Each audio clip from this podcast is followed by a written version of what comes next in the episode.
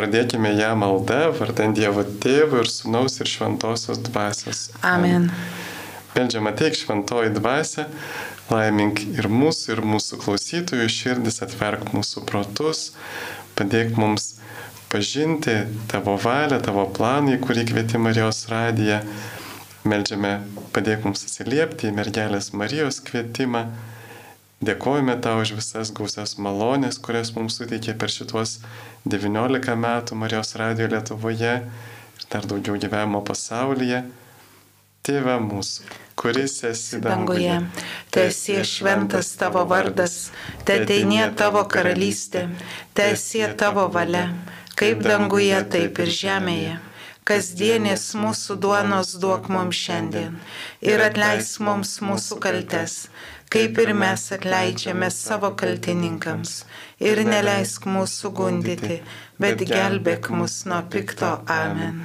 Sveika Marija, malonės pilnoji, viešpat su tavimi, tu pagirta tarp moterų ir pagirtas tavo sunus Jėzus. Šventoji Marija, Dievo motina, melsk už mus nusidėlius, dabar ir mūsų mirties valanda. Amen. Garbė Dievui tėvui ir sūnui ir šventai dvasiai. Kai buvo pradžioje, dabar ir visada ir per amžius. Amen. Vardant Dievo tėvų ir sūnaus ir šventosios dvasios. Amen. Taigi šiandien laidoje prie mūsų šiek tiek vėliau dar prisijungs ir grupė mūsų savanorių, darbuotojų iš Vilniaus, kuningas Juozas Fakėjevas, taip pat mūsų administratorė Violeta Gravrok, taip pat ir muzikos redaktorė Vita Liaudonskaitė Vaitkevičinė. Taigi ir su jais kalbėsimės. Ir štai dabar pradedant šią mūsų laidą, norėjau jūsų gerbamą gydėją paklausti, na, man tikrai atrodo labai labai keistas dalykas, kaip Marijos radijas šitiek metų išsilaiko, būdamas toks brangus ir Na, gal jūs galėtumėte irgi prisiminti, va, kaip ta kelionė buvo Marijos radijo per tuos 15 metų, kas pasikeitė, nuo ko viskas prasidėjo. Jūs jau 15 metų Marijos radijoje dovanojat savo laiką.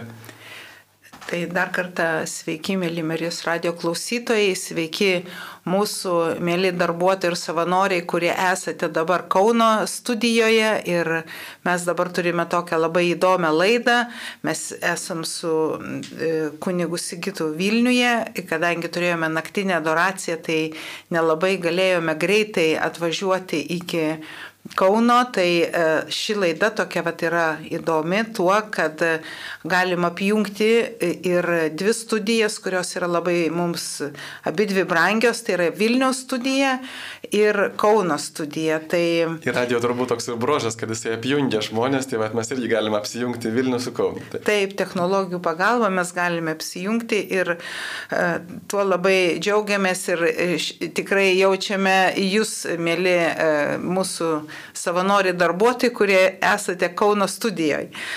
Dabar atsakant į jūsų klausimą, mm, Taip, Marijos radijas Lietuvoje jau yra mm, šves ateinančiais metais 20 metų, labai gražų jubiliejų. O kada tiksliai tada ta būtų? Internete? Per Šiluvos, Aha. šiaip Marijos radijas, jeigu žiūrėti registro centre, kada įregistruotas, tai yra įregistruotas 2003 metais, bet pati transliacija prasidėjo 2004 metais Šiluvos atlaidų laikotarpio metu, tai mes ir dėl to ir švenčiame visą laiką e, tą, minime tą dieną būtent per Šiluvos atlaidus. Ir tuo labai džiaugiamės, kad toks gražus sutapimas, nors danguje, dangaus žvilgsnėje nėra jokių sutapimų.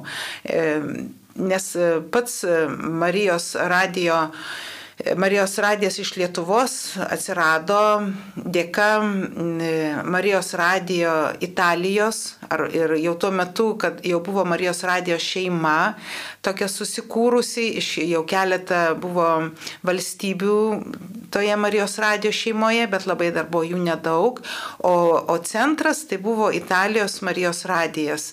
Ir, ir džiaugiamės, kad ir dabar mes turime tenai tėvą Livijo, kurio, kuris nuo pat įkūrimo pradžios yra e, programų direktorius ir yra kaip visos Marijos radio šeimos dvasios tėvas.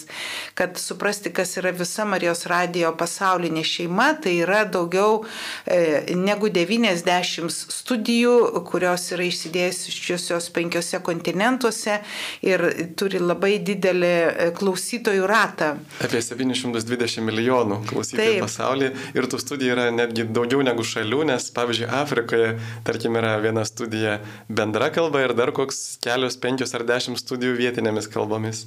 Ir tas tikrai labai, e, ta labai greita plėtra ir, vis, ir visa šita plėtra vyko ne per mm, grinai žmonės, per žmonių aukas. Žmonės aukojo pinigus ir vat, atsirado tokia galimybė, kaip ir Lietuvoje prieš 20 metų, italų katalikų aukų dėka mes galėjome, galėjo atsirasti Marijos radijas Lietuvoje. Be abejo, tam reikėjo ir mūsų ganytojų sutikimų, tai labai džiaugiamės ir dėkojam kardinolui Sigitui, tuo metu buvusiam arkivyskupui Kauno arkivyskupų, ir kuris E, sutiko, drąsiai sutiko pradėti šitą projektą, nors nežinojo, kuo jisai baigsis, nes, e, žinot, 2003 metai, tai Lietuva tikrai gyveno ne pačius geriausius laikus, o, o dar galvoti bažnyčioje, kad atsiras radijas, kurį reikia išlaikyti, kuris reikalaus nemažai lėšų, tai tikrai buvo labai drasus žingsnis toks pasitikintis Dievu, kaip sakant, einant, einant vandeniu, bet kartu ir italai italai, e, atvykę italai, tai yra pats, e, pats pradininkas, e, pasaulietis, verslininkas Emanuelis Ferrari, amžinai jam šviesiai atmintis, nes jisai prieš kelis metus iškeliavo į tėvo namus. Tai Tai jis buvo atvykęs ir, ir kartu buvo patvirtinta atitinkamai e, lėšų, kurios, kurios padėjo Lietuvoje e, startuoti ir išsilaikyti maždaug e, metus laiko. O po to jau pats daugiau negu metus laiko, o po to jau pats Marijos radijas po kažkiek laiko bandė kažkiek dalį lėšų pats dengti, o po keletą metų jau E, kai aš jau atvykau, tai jau mes, e, kaip sakyti, italai e, nustojo, nustojo skirti pagalbą ir mes jau turėjome galvoti patys, kaip išsilaikyti iš savo lėšų. Ir vakar kaip tik yra, buvo 9 valandos laida ir 20 val. ją kartojame, kur turėjome tokias dvi istorinės kalbas, galėt, arba dvi istorinės asmenybės. Va būtent toje laidoje pradžioje kalbėjo Emanuelis Ferrario, kada jis lankėsi Lietuvoje 2011 metais, labai įdomu buvo pasiklausyti. Ir paskui kalbėjo tėvas Lyvija Fanzaga, tai reiškia prezidentas ir paskui Marijos radio direktorius programų, į, į kurie įkūrė Marijos radiją ir jie labai įdomiai papasakoja tą visą viziją, nuo ko viskas prasidėjo, kaip ten buvo susijęs su mergelės Marijos apsireiškimais ir, ir net ir su Medžiugorė. Ir va, jisai kalba, kad mergelė Marija, Manelis Farario, kad mergelė Marija turi planą, kaip išgelbėti žmoniją ir kad tas planas, Marijos radijas yra to plano dalis. Va, kaip jūs galėtumėt e, gal atskleisti, va, kaip manote, koks yra tas planas, kaip mergelė Marija siekia mus išgelbėti?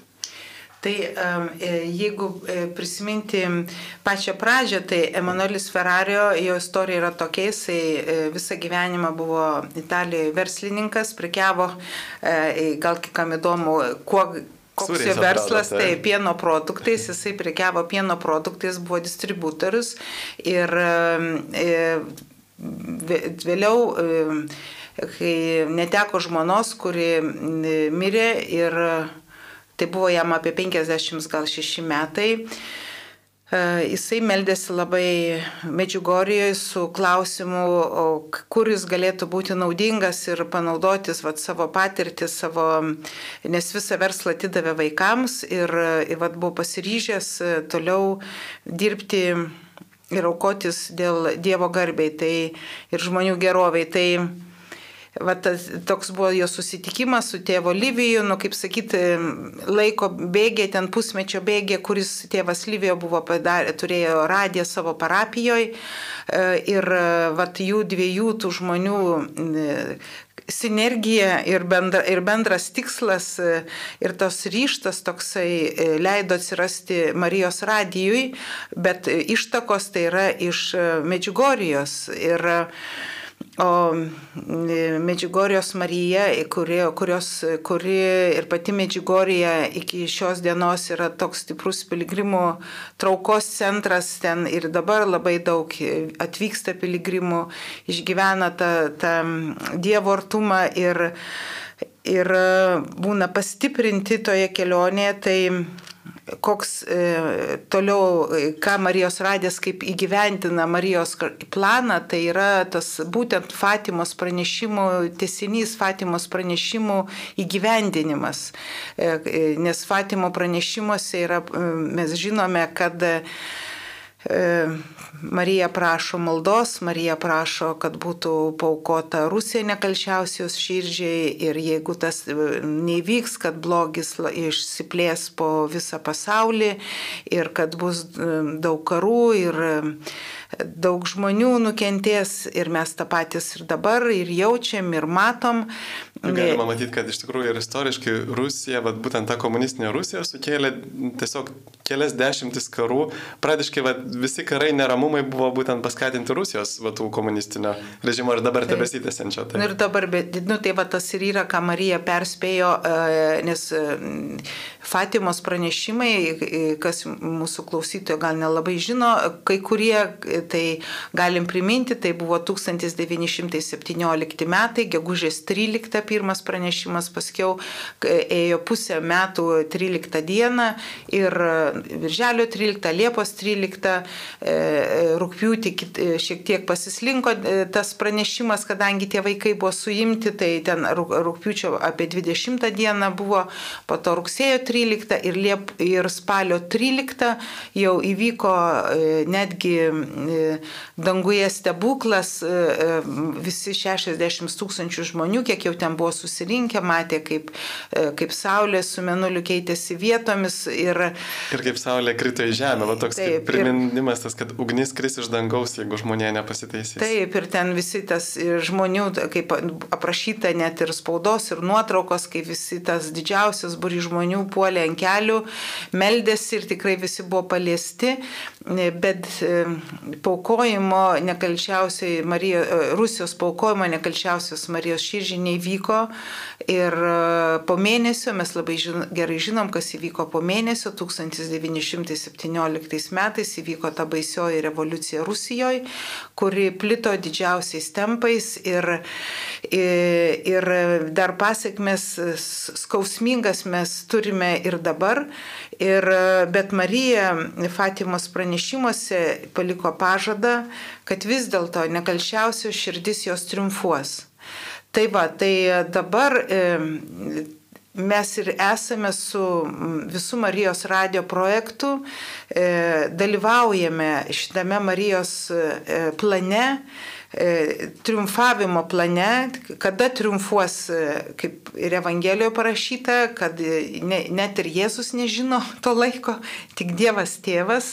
Ir mes pasitikim tikrai, kad viskas bus gerai, bet e, Marijos triumfas gali būti pirmiausiai per mūsų susitelkimą, susitelkimą maldai, ką, ir, ką mes ir turime Marijos radio tikrai ir transliuojamas mišes, ir maldas, ir gyva, nu, ne, ne įrašus maldų, bet gyvas maldas. Ir, nu, būna ir įrašų kartais. Naktį turime, tik naktį turime įrašus, kadangi, bet ir tos ir septynės naktis turim gyvos maldos, kada vyksta adoracijos, tada tikrai melžiamės gyvai. Ir šitas dalykas yra labai labai svarbus e, Marijos visam plane ir meldžiasi ne tik Lietuvos Marijos radijo, e, e, Marijos radijas meldžiasi visame pasaulyje, kur yra transliuojamas Marijos radijas, tai tikrai yra per radiją daug maldos ir, kaip minėjo kunigas, kad 700 20 milijonų žmonių klausosi, tai įsivaizduokite vienu metu kad visą laiką, nes klausosi pas mus, pavyzdžiui, rytas, o kitoj šaly, kitam žemynė yra naktis. Bet visą laiką pasaulyje vyksta malda, kur Marijos radio dėka sutelkiama labai daug žmonių.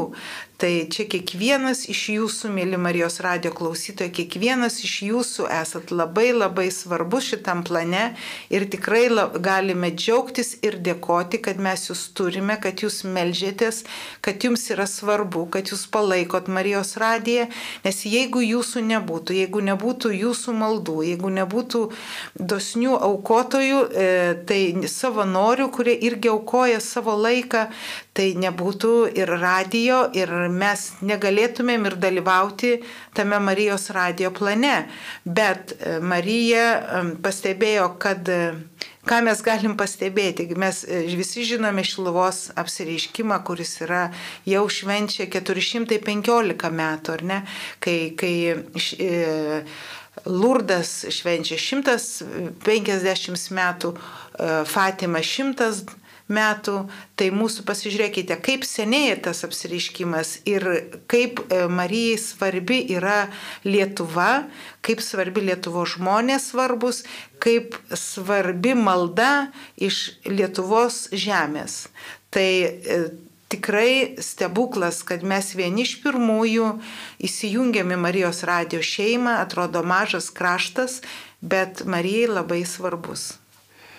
Aš dar norėjau šiek tiek pridėti apie Medžiugorę, kad Marijos radijas jis gimė Medžiugorėje, bet e, turbūt visi tie autentiški mergelės Marijos apsiriškimai, kurie yra jau patvirtinti bažnyčios, Medžiugorė dar nėra patvirtinta, juose išsiskleidžia va, ta pati žinia. Mergelės Marijos ta pati žinia, kuri po truputį, po truputį skleidžiasi ir tos žinios pagrindas turbūt yra jos raginamas labai daug melstis už nusidėlį atsivertimą už tai, kad nesako, kad tai, kas įvyks pasaulyje, priklauso nuo mūsų maldos. Ir galėtume klausti, nu, kaip čia dabar yra, e, argi Dievas pats negalėtų visko padaryti, kodėl mes čia turim dabar jo prašytis pats žino. Bet tik prisiminkime tą vietą, kur Jėzaus mokiniai kartu jį paprašė išvaryti piktąją dvasę. Tai va, nepamirškim, kad ir šetonas veikia pasaulyje labai galingas, mm, kaip apriškimo knygai parašyta, nutrenktas į žemę, kupinas baisaus įniršė, nes žino, turintis mažai laiko. Ir mokiniai nepaėgė išvaryti piktosios dvasios ir kodėl Jėzus sako dėl silpno tikėjimo, nes šita veislė išvaroma tik tai malda ir pasninku, prideda kitose rankraščiuose. Tai vad, mergelė Marija mus ragina maldai ir pasninkui, kad mes pajėgtume išvaryti piktąją dvasę iš mūsų aplinkos, tą karų dvasę ir gyventume toj meiliai ramybė ir mes žinome taip pat ir per Galite ir susipažinti per Marijos radijo įvairias laidas apie tuos apsiriškimus, kurie yra būtent autentiški, buvo pripažinti bažnyčios ir apie Lurdą kalbėjome, apie Fatimą, apie Kitą, Šiluvą, Kibeho. Ir Mežigorė jinai nėra pripažinta bažnyčios, bet kodėl ją galėtume na, pasitikėti ir tikėtis, kad ji bus pripažinta, nes, na, visų pirma, tai 2019 metais, kaip tik Fatimos apsiriškimo išvakarėse, gegužės 12-ąją, popiežius panaikino draudimą organizuoti keliones į Medžiugorę.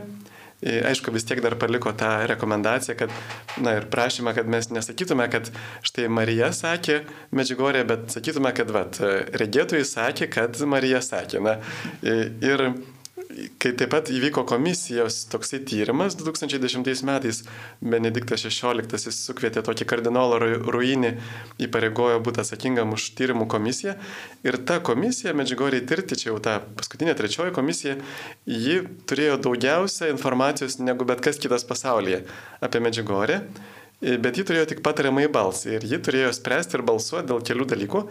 Ir ji nubalsavo, štai pavyzdžiui, pasiūlyti, kad būtų panaikintas draudimas organizuoti keliones, kad Medžiugorė būtų perduota iš vietos vyskupo valdžios į atsakingą Vatikano valdžią ir, ir dabar Vatikano pareigūnas tenais reziduoja ir, ir Vatikanui pavaldy yra Medžiugorė. Ir taip pat rekomendavo 13 iš 15 narių rekomendavo pirmosius septynis apsiriškimus Marijos pripažinti ant gamtiniais. 13 iš 15, pradiškai vienbalsiai, susipažinę su visais duomenimis. Dėl kitų jie tiesiog nesakė, kad čia yra blogai, bet tiesiog jie nepriima sprendimo, nes jie dar tebe vyksta, o galima na, atskirti tokias kaip dvi fazes.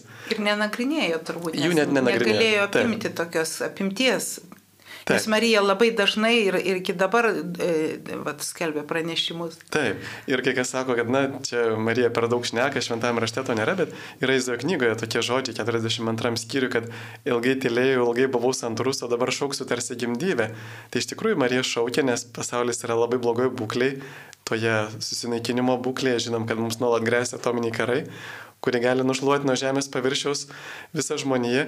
Ir mergelė Marija kalba daug ne tik tai Medžiugorėje, pavyzdžiui, San Nikole Argentinoje, kur beje popiežius Pranciškus e, toje vietoje netoliese buvo vyskupu ir jis tikrai žinojo apie tos apsiriškimus.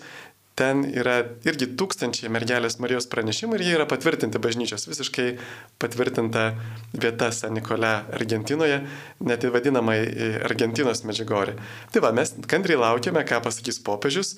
Jis žadėjo jau anksčiau šiek tiek pasakyti, bet kol kas dar dėlse dėl įvairių kontroversijų net yra ir taip. Ir popiežius prieš keletą metų e, būtent jau buvo pažadėjęs atvykti jaunimo dienas, rūpiučio penktą dieną, kada vyksta Medžiugorioje, tik tai sutrukdė pandemija ir, ir va tas e, buvo atkelta. Tai, tai jau pats popiežius e, mielai nori nuvykti, kas, kas yra įdomiausiai, e, mes žinome sakinį popiežius Jono Paulius kur, kur yra jisai pasakęs, jeigu nebūčiau popiežius, nu kai jo klausė apie Medžiugoriją, tai jisai tik vieną sakinį pasakė, jeigu nebūčiau popiežius, aš tikrai nuvykčiau kuo greičiau į Medžiugorję, nes irgi tikėjo ir suprato, kad tie įvykiai, kas vyksta, yra labai svarbus šios dienos bažnyčiai ir, ir šios dienos pasauliui. O, e, kaip ir minėjau, kunigas Gitas Medžiugorjoje, iš tikrųjų Marija e, per savo pranešimus nieko jinai nesako tokio,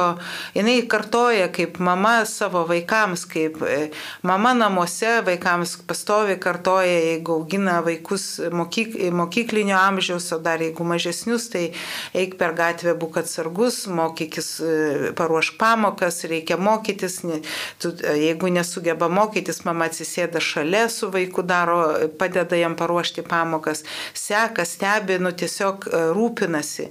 Tai Marija irgi yra pilna rūpešio ir tuo, kad kas vyksta dabar pasaulyje, kad labai mažai žmonių, kad bažnyčia mažėja, kad... Nu, vakaruose mažėja, vakaruose. o kitur didėja. Nu, Afrikoje, Afrikoje auga labai taip. taip. Afrikoje ir Azijoje auga, bet vak, Europoje, kur yra vis tiek visas kultūros lopšys ir, ir tikėjimo lopšys, tai irgi pergyvena dėl tos situacijos. Jėzus ir sakė, kad pirmieji bus paskutiniai, o paskutiniai pirmieji. Nu, galbūt, galbūt, bet e, Medžiugorjos Marija Marijoje, Marijos žinia melskitės, prašo melstis ir jos apreiškime e, žodis melsis yra kartojamas daugiausiai, pakartojamas net tris kartus.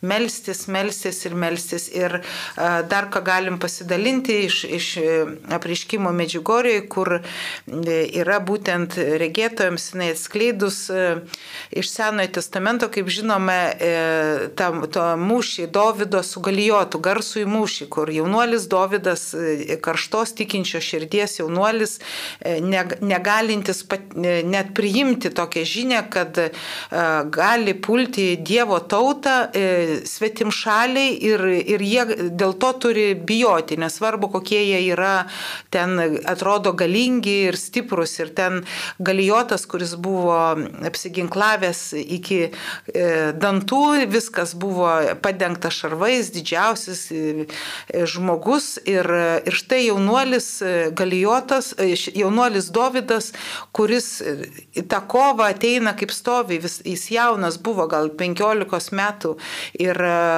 pasėmė iš upelio penkis akmenėlius. Kodėl dabar išėjo Dovydas į tą kovą? Todėl, kad e, Izraelio kariuomenė visa buvo išsigandusi, išsigandusi to, tų šarvų blizgesio ir taip toliau, o va štai jauna širdis, jinai tiesiog tiesiog šaukte šaukia, mane leiskite į kovą, nes e, nuo tos kovos, kas laimės, priklausė ir, ir visos kovos pergalė. Toks buvo susitarimas. Dvi kova ir kas laimė, tai tada tas turi ir pasitraukti. Tas pralaimi. Ta šalis pralaimi. Ir štai Galiotas pasiema penkis akmenėlius, nuglūdintus, penk, Dovydas pasiema penkis nuglūdintus akmenėlius iš upės. Ir štai Marija ir su vienu akmenėliu, su svaidyklė meta tą akmenėlį ir būtent pataiko tam Galijotui tiesiai į kaktą ir taip smarkiai, kad jisai susmunka ir tada pribėgęs jau e, Dovydas. Ten... Ja, nepasakykit, gali, gali vaikai klausytis. Oi, vaikai pripratę prie lietuviškų pasakų, jos yra dar, dar tokios e, radikalesnės. Tai žodžiu, e, laimi, laimi Dovydas. Ir Marija pasako apie tos penkis nuglūdintus akmenėlius. Kas tai yra jie? Tai yra e, pe, e, penki akmenėliai, tai jinai taip įvardijo kad yra mišios kiekvieną dieną. E, tai žinia yra tokia, kad jeigu tu nori nugalėti tą galijotą, kuris niekur nedingo, kuris kiekvieną dieną e, pristoja prie kiekvieno žmogaus kažkokiam tai baimėm, kažkokiu nerimu, kažkokiu suspaudimu, e, neviltimi, kažkokiu tai nu, neramybė, tai Marija paprastai sako, viskas yra įveikiama ir tu tikrai esi mano gleby, bet tu turi daryti šitų kitus penkis akmenėlius tu turi įgyvendinti ir pastoviai, nes jie turi būti nuglūdinti. Tai yra mišios kiekvieną dieną, e, išpažintis nerečiau kaip kartą per mėnesį, švento rašto skaitimas kasdien, jinai net įvardino e, laiką, kad pusę valandos mąstytumėt, skaitytumėt, semtumėtės e, e, Dievo žodžio. Rožinio malda, tai yra trys dalys rožinio kiekvieną dieną. Ir pasnikas duona ir vanduo trečiadienį ir penktadienį.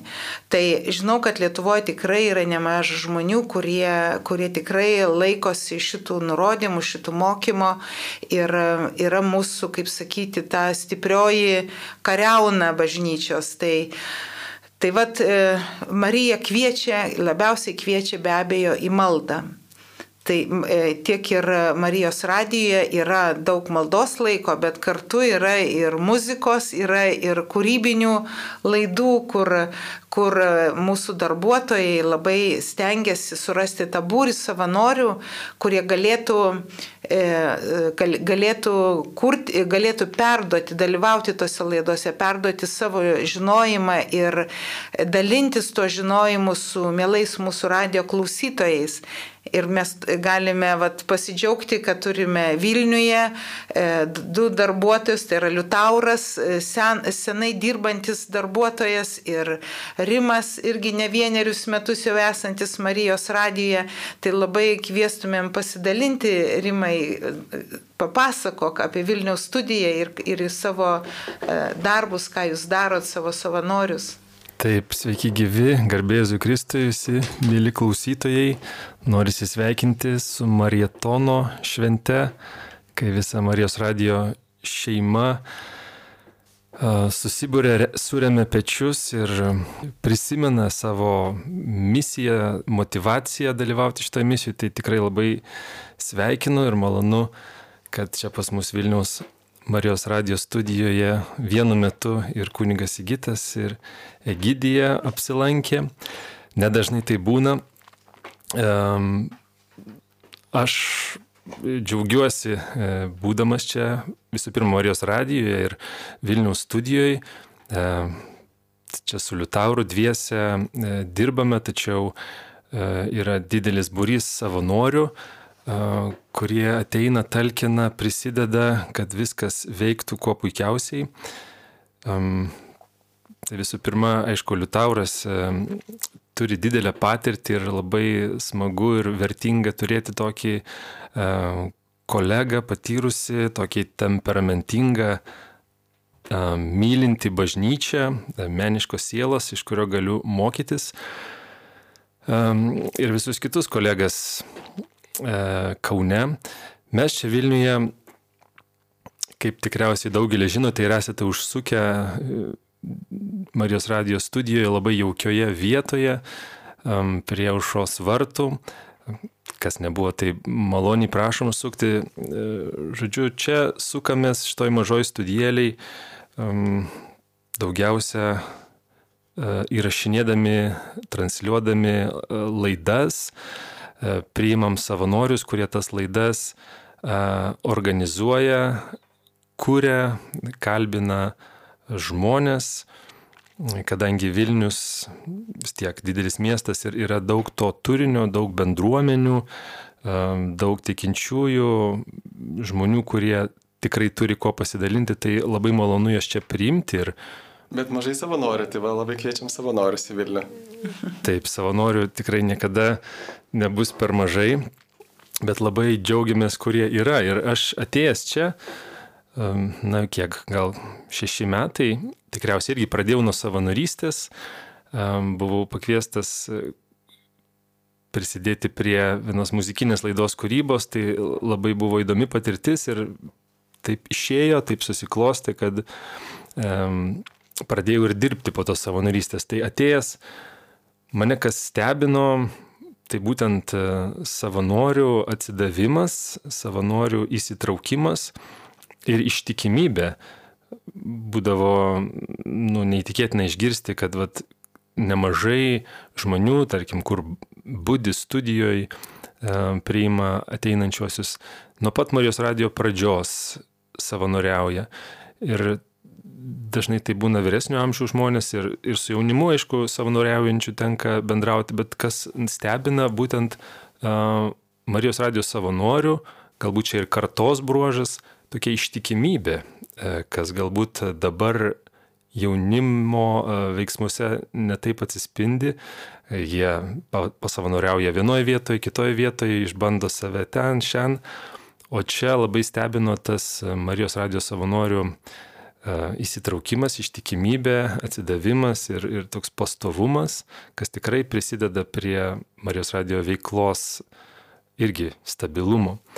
Ir taip pat labai stebino aukotojai, klausytojai, tiesiog Marijos radiją mylinti žmonės, kurie ateina, aukoja, išlaiko ir tai tokį įpareigojimo jausmą suteikdavo, kad matai ateina net pastoviai, pavyzdžiui, kiekvieną mėnesį ar kažkokiu kitokiu ritmu ir atneša auką Marijos radijos studijoje čia Vilniuje. Taip netgi e, kažkaip ir pasisako, jis įpar, kaip savo asmeninį įsipareigojimą, va, aš čia praleidau praeitą mėnesį, neužmokėjau, netgi taip pasako, dabar žmonės jaučia atsakomybę, nes jie klauso radiją ir e, jausdami atsakomybę aukoja. Ir, ir man kažkaip tai nebuvo savaime suprantama ir e, dėl to stebino ir nesinorėtų, kad tai taptų savaime suprantama.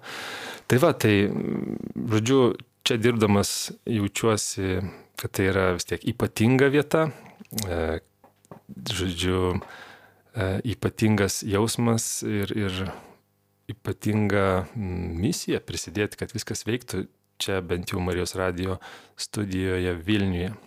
Tai labai ačiū Rimui ir mes dabar jau turime mūsų e, labai brandžius palaikytojus, ypatingai kuningas Juozas Fakėjevas yra prisijungęs Kauno studijoje, garbėjus Kristui kunigė Juozai. Per amžius abent kunigė Sigitai, Sigitai, Sigitai. Aha, kažkoks aidas, aidas, aidas, aidas. Taip ir e, taip pat yra prisijungę Kauno studijoje Violeta, mūsų administratorė, ir Vita, muzikos redaktorė. Sveiki. Sveiki. Aš dar vat, perskaitysiu dar vieną skelbimą prieš pradė, pradedant klausimus, perinant prie klausimų. Tai brangieji visą maratono laiką nuo 10 iki 19 val. jūsų skambučių laukia Marijos radijos savanoriai. Kviečiame skambinti, išsakyti maldos intencijas, kuriamis melsimės 12 val. šventosiuose mišiuose Šiandieną taip pat e, šventasis mišes irgi iš Marijos radijos studijos aukos arkivyskupas Kestudis Kievalas. Taip pat kviečiame paskambinti ir informuoti Marijos radijos savanorius apie auką. Ypač lauksime jūsų pranešimų, jei aukojate būdais, kurių negalima iš karto matyti. Pavyzdžiui, dėdami pinigus į Marijos radijo aukų dėžutės bažnyčiose arba perdodami kitiems žmonėms. Skambinkite telefonais, pasidalinti savo mintimis apie radiją, telefonais 837 428 408 ir 837 428 409. Čia yra Kauno studijos telefonai. Ir dabar tada e, perdodame mes eilę Kauno studijai, galite irgi pristatyti ir papasakoti apie savo tarnystę Marijos radijo ir taip pat galbūt jau galėtume, galėtumėte atsakyti į, e, į klausytojų klausimus. Tai esu kunigas Juozas Fakeiva, šiuo metu esu Zapiškio Šventojo nukrikštitojo parapijos klebonas Kauno rajone.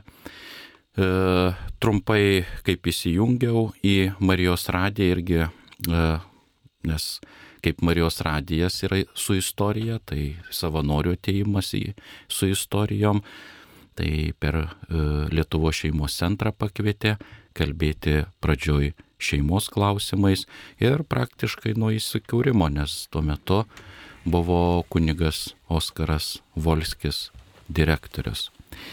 E, tai bendradarbiauju e, vesdamas katechezės laidas, homilijas įrašydamas, taip pat kitose laidose, Marietonovo jau e, iš eilės, gal antri ar treti metai, e, pakvietė pabūti, pasidžiaugti, o iš parapijų e, žmonių, kur aptarnauju tris dar yra Ežerėlio Švento Antano padaviečio parapija, taip pat Kauno rajone ir trečia, tam pačiam rajone Kačerginė Šventos Onos parapija E, su koplyčia. Tai kuomet pasikviečiam atlaidam savo e, parapijų ir savanorius, tai labai smagu ir ačiū Marijos radijos žmonėm, kurie pagarsina ir atlaidus, nes jų dėka buvo atvykę ir šią vasarą, liudijo, sako, kunigą Juozą, kunigą Juozą girdėjom tik per radiją, bet kaip atrodo nežinom.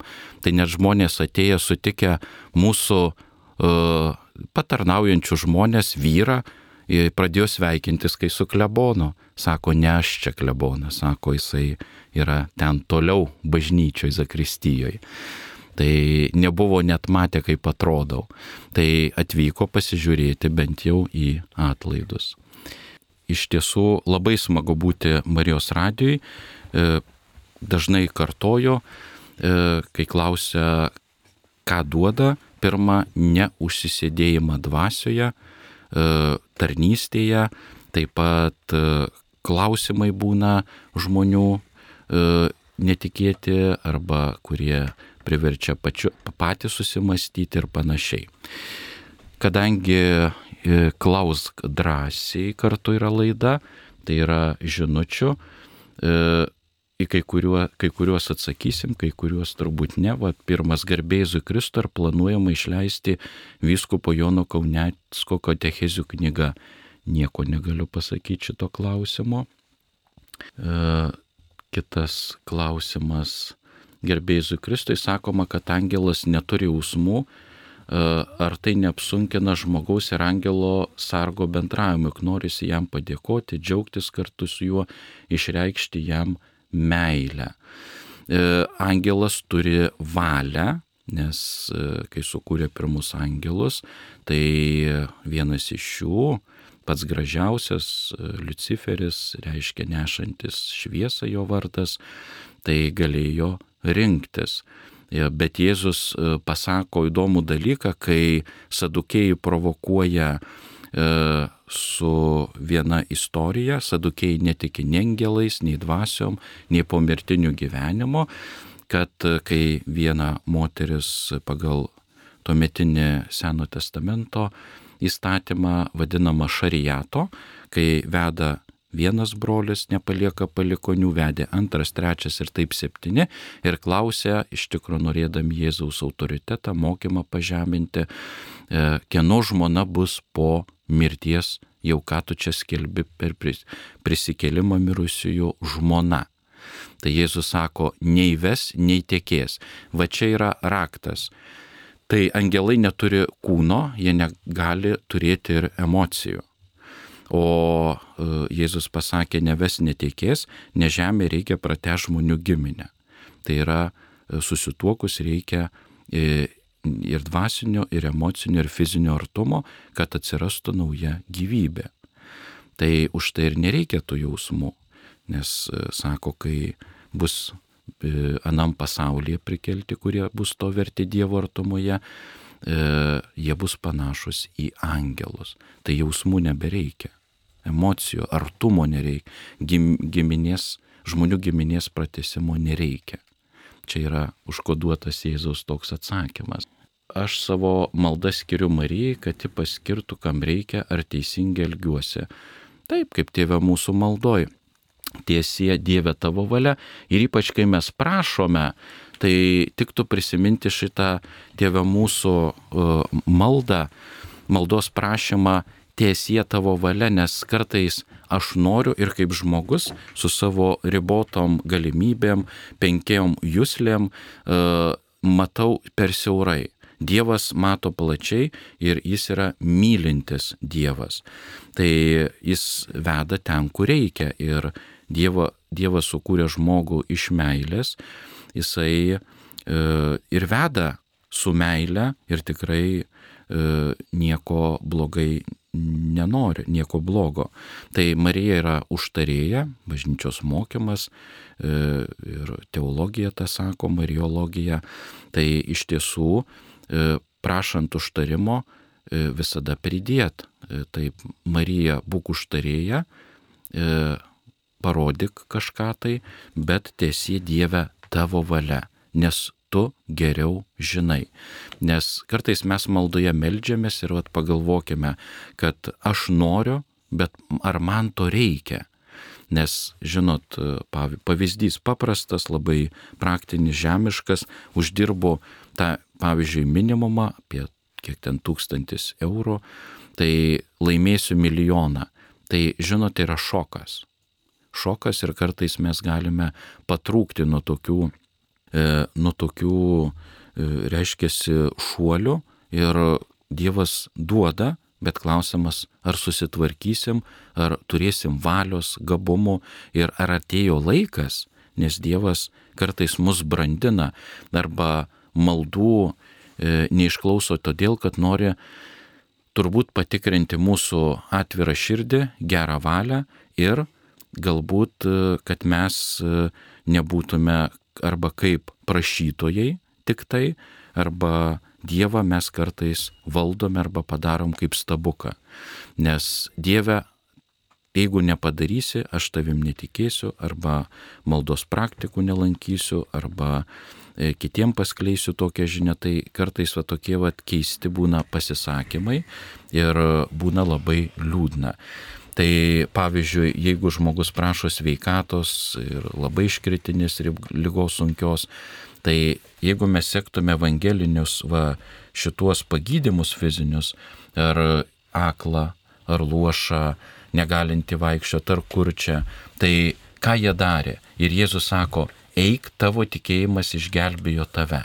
Tai nesako, na dabar reiškia, gavai regą, klausą, pradėjai judėti fiziškai, tai dabar gyvenk kaip tau išeina. Nes kartais mūsų žmonės daro taip. Gauna pagyjimą fizinį arba, sakykime, ir emocinį, bet Dievas nori, kad tu pasikeistum širdimi ir mąstymu ir juo sektum, nes dalis pagydytojų sekė Evangelijose Jėzų turi pakeisti po to gyvenimo būdą ir mąstymą. O mes norim Dievę išgydėjai, bet aš gyvensiu toliau bedieviškai, be meilės, be tavo įsakymų ir be bažnyčios bendruomenės. Tai net katalikai taip galvoja, tai turbūt keistokas mąstymas, todėl tų prašymų, užtarimų ir per Mariją, per šventuosius, per angelus E, kurias skiriam Dievui, bet centras yra Dievas. Ir labai geras yra posakis mūsų senų senolių katalikų didesniai Dievo garbiai, nes ir Jėzus visada kreipia šlovink Dievą tėvą, aš esu sunus, aš tam atėjau, kad padėčiau.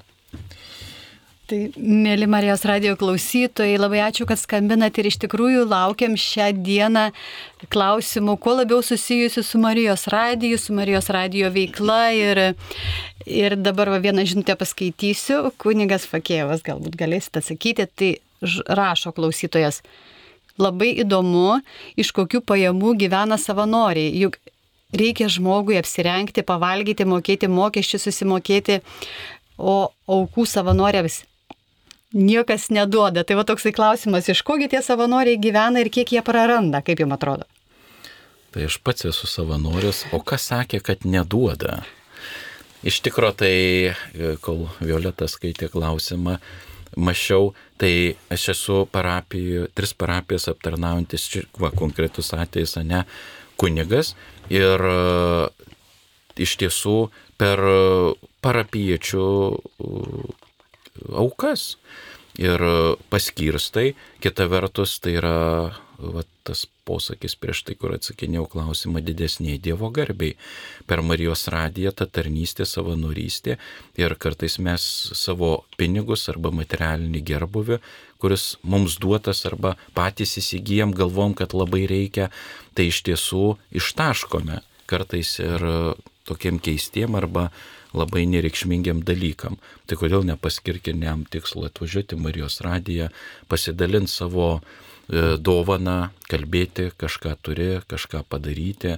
Tai gyvenam e, iš to, ką paukoja šiuo atveju man kaip kunigui žmonės ir man pakanka. Nu ko čia reikia, su malum sparniu neskraidau, e, nereikia šarvuoto automobilio, sėdai automobilį, atvažiavai, o per parapijos gerus žmonės Dievas parūpina. Iš to ir gyvename.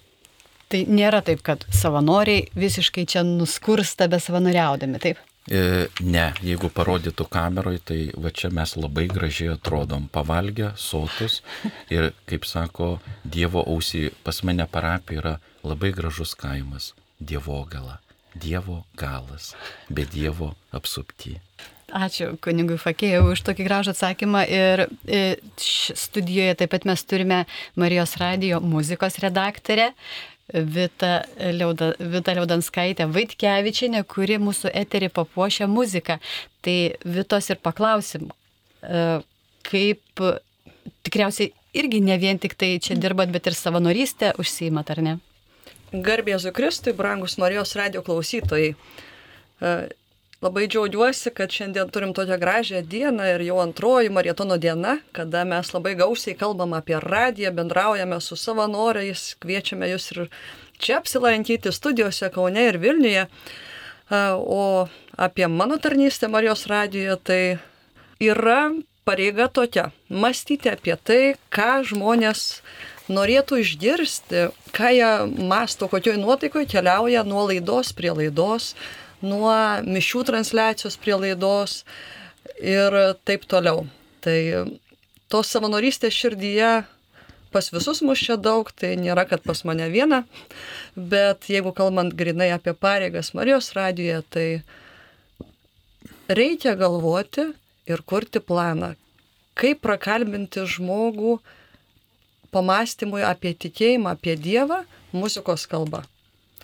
O žmonės Marijos radijo klausytojai yra labai jautrus ir e, turi savo poreikių, tai kurie dažniausiai būna labai susijęs su jų amžium. Tai vieniem reikia muzikos e, ramesnės, senoviškos, kitiems reikia stipriai, stipriai jaunatviškos. Turim skambutį, tai klausom. Nebėra skambučio, ar ne? Dingo kažkur.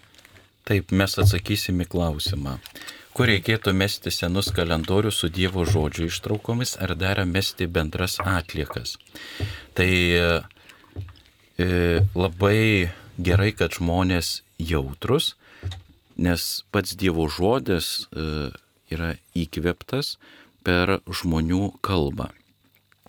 Tai visus pašventintus dalykus arba ypatingai šiuo atveju su šventuoju raštu, kas dega, dera sudeginti ir pelenus tiesiog e, užkasti išbarstyti ant gyvos žemės. O pavyzdžiui, kas nedega, e, kaip šventus sakralius ir ypač palaimintus daiktus, skirtus Dievo garbai, šventųjų kultui, arba netgi uh, vat, kunigų kokie seni drabužiai nusidėvi arba bažnytiniai baldai, tai ir nedėra, pavyzdžiui, kaip uh, altorių užtiesalo, nu negali seno su karpyti ir naudoti kokiam automobilių valymui kaip šluosti arba stalo e, valymui. Tai sudeginti, o kas nedega kaip kokie stikliniai gal katalikiški ženklai, betoniniai, pavyzdžiui, padovanoti, kas kažką daro su mintim, nes pavyzdžiui, bažnyčioje yra tokia tradicija, kad kai varpas į bažnyčioje įskyla arba e, prastai pradeda skambėti, jis yra nukabinamas ir perlidomas. Ir jeigu bažnyčia įsigijo arba kažkas padovanojo naują varpą visiškai, tai iš, tas išlietas naujas varpas privaloma, kad ji būtų padovanota, nes jis jau buvo palaimintas tą materiją ir jo negalima parduoti. Tai turi būti atiduota kilniam tikslui, va tai didesniai Dievo garbiai. Ir, pavyzdžiui, kad ir koks masyvus betoninis buvęs ant kapo kryžius, ne, kaip paminklas ir žmonės sako, norim keisti arba e, jau nežinom, kieno čia kapavietė. Taip ir žmonių, žmonių viduje labai džiaugiuosi, kad e, lietuvių ir katalikų ir net nekatalikų E, viduje yra tas jautrumas, e, kad negalima kažkur belę mėtyti, belę su bendrom šiukšlėm išmesti.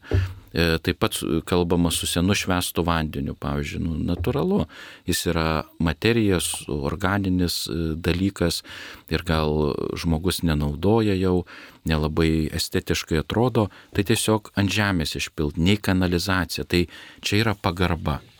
Tai o tuos nedegančius e, šventus katalikiškus e, ženklus palaimintus ypatingai dovanoti ir sakyti, aš tau dovanoju, e, nes negaliu parduoti, nes tai buvo, pavyzdžiui, didelis masyvus betoninis kryžius, tai galbūt panaudosi į pamatus, į kelių tiesimą, juk mes esam materialiam fiziniam pasauliu ir žmonėm reikia materialios irgi pagalbos.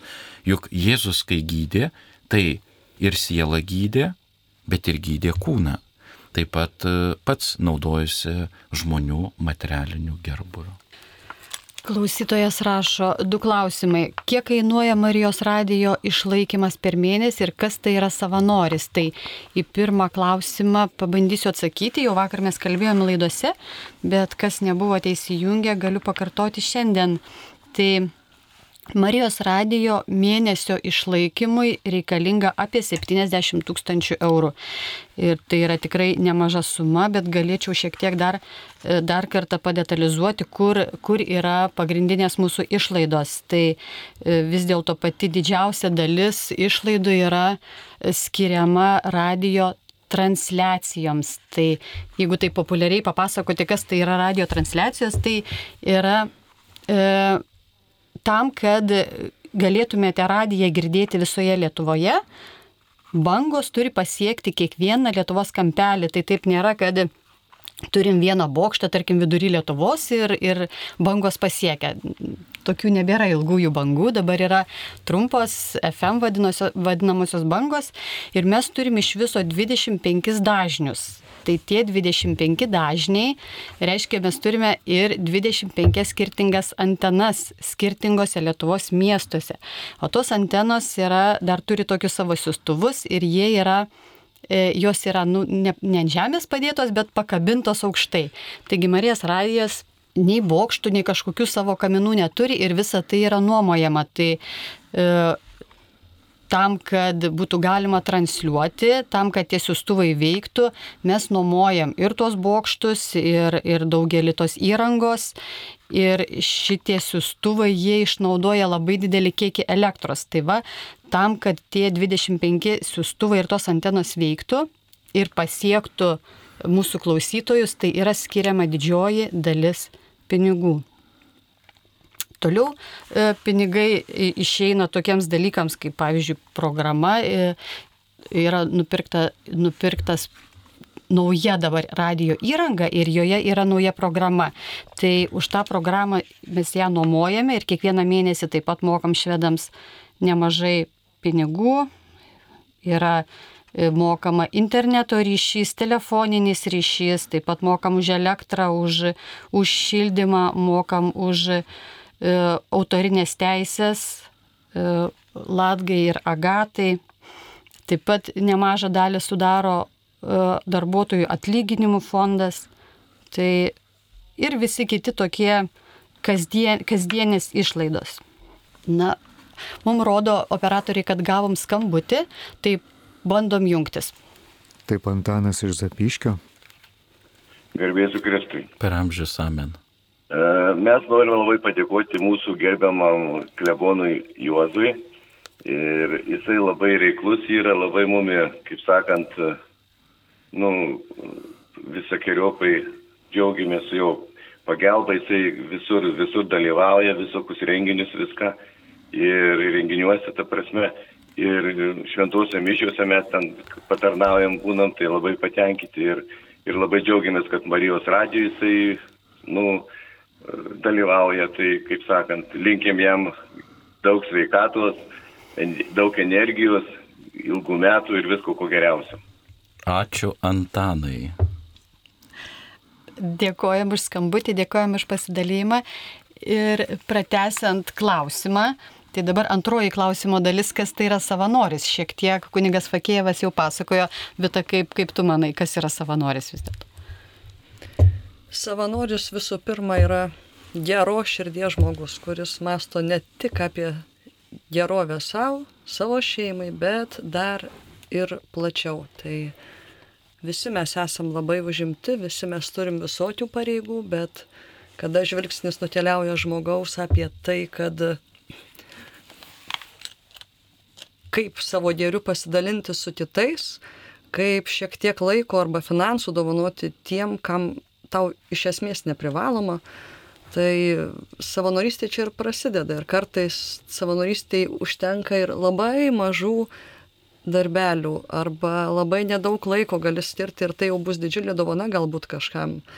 Yra klaida manyti, kad savanorystėje reikia labai daug laiko skirti. Čia kiekvieno žmogaus yra asmeninis žvilgsnis į savo galimybės. Vienas tuo metu jo, kaip ir šventam rašte, padovanoti e, keli centai kažkokie, tai įvykį bus didelis indėlis iš jo asmeninio biudžeto. E, kitam didesnė suma nesuteiks didelių problemų, ar ne, o apie laiką tai bendrai jis dažniausiai nekainuoja, jeigu jo mes turime. Tai patirdino širdžiai norėčiau padėkoti mūsų Marijos radio muzikos savanoriam. Jų yra labai daug, jeigu pradėčiau vardinti, labai susijaudinčiau, kad ne, ne, nepraleisčiau nors vienos pavardės. E, jų yra ne viens, ne penki ir gerokai, gerokai daugiau. E, ačiū Dievui iš tos geros širdies žmonės, už profesionalus, už mėgėjus, kurie e, skiria savo talentus, savo susijaudinimą prieš tiesioginį eterį dėdant, kurie ieško savo draugų, kas galėtų padėti, pagrot. Tai tas visas ryšys mūsų toks kaip tinklas yra labai platus. Ir labai ačiū nuostabiems savanoriam, kurie sutinka groti, gėdoti kituose miestuose. Mes gyvenantis didmieščiuose irgi turim iššūkių, kada reikia surasti konkrečiai datai, konkrečiam laikui, kartais net naktį groti muzikantams, tai ką jau kalbėti apie mažų miestelio, apie kaimelių gyventojus. Tai nuoširdus, didelis, didelis ačiū Jums, mūsų Marijos radio muzikos savanoriai. Aš sakau iš visos širdies visiems, kurie ateinate, kopijuojate įrašus, juos dedate į mūsų programas, kurie ateinate sutvarkyti tų kompaktinių plokštelių, kurie visai kitaip prisideda. Ačiū, gėdam iš viso širdies. Ir jeigu kas nors nebandėt savanoriauti, ateikit pirmiausia pasiklauskit tų žmonių, kurie jau savanoriauja ir jie jums paliudys, kad savanorystė nėra tai, kas kažką iš tavęs atima. Savanorystė yra tai, kas duoda ir pripildo.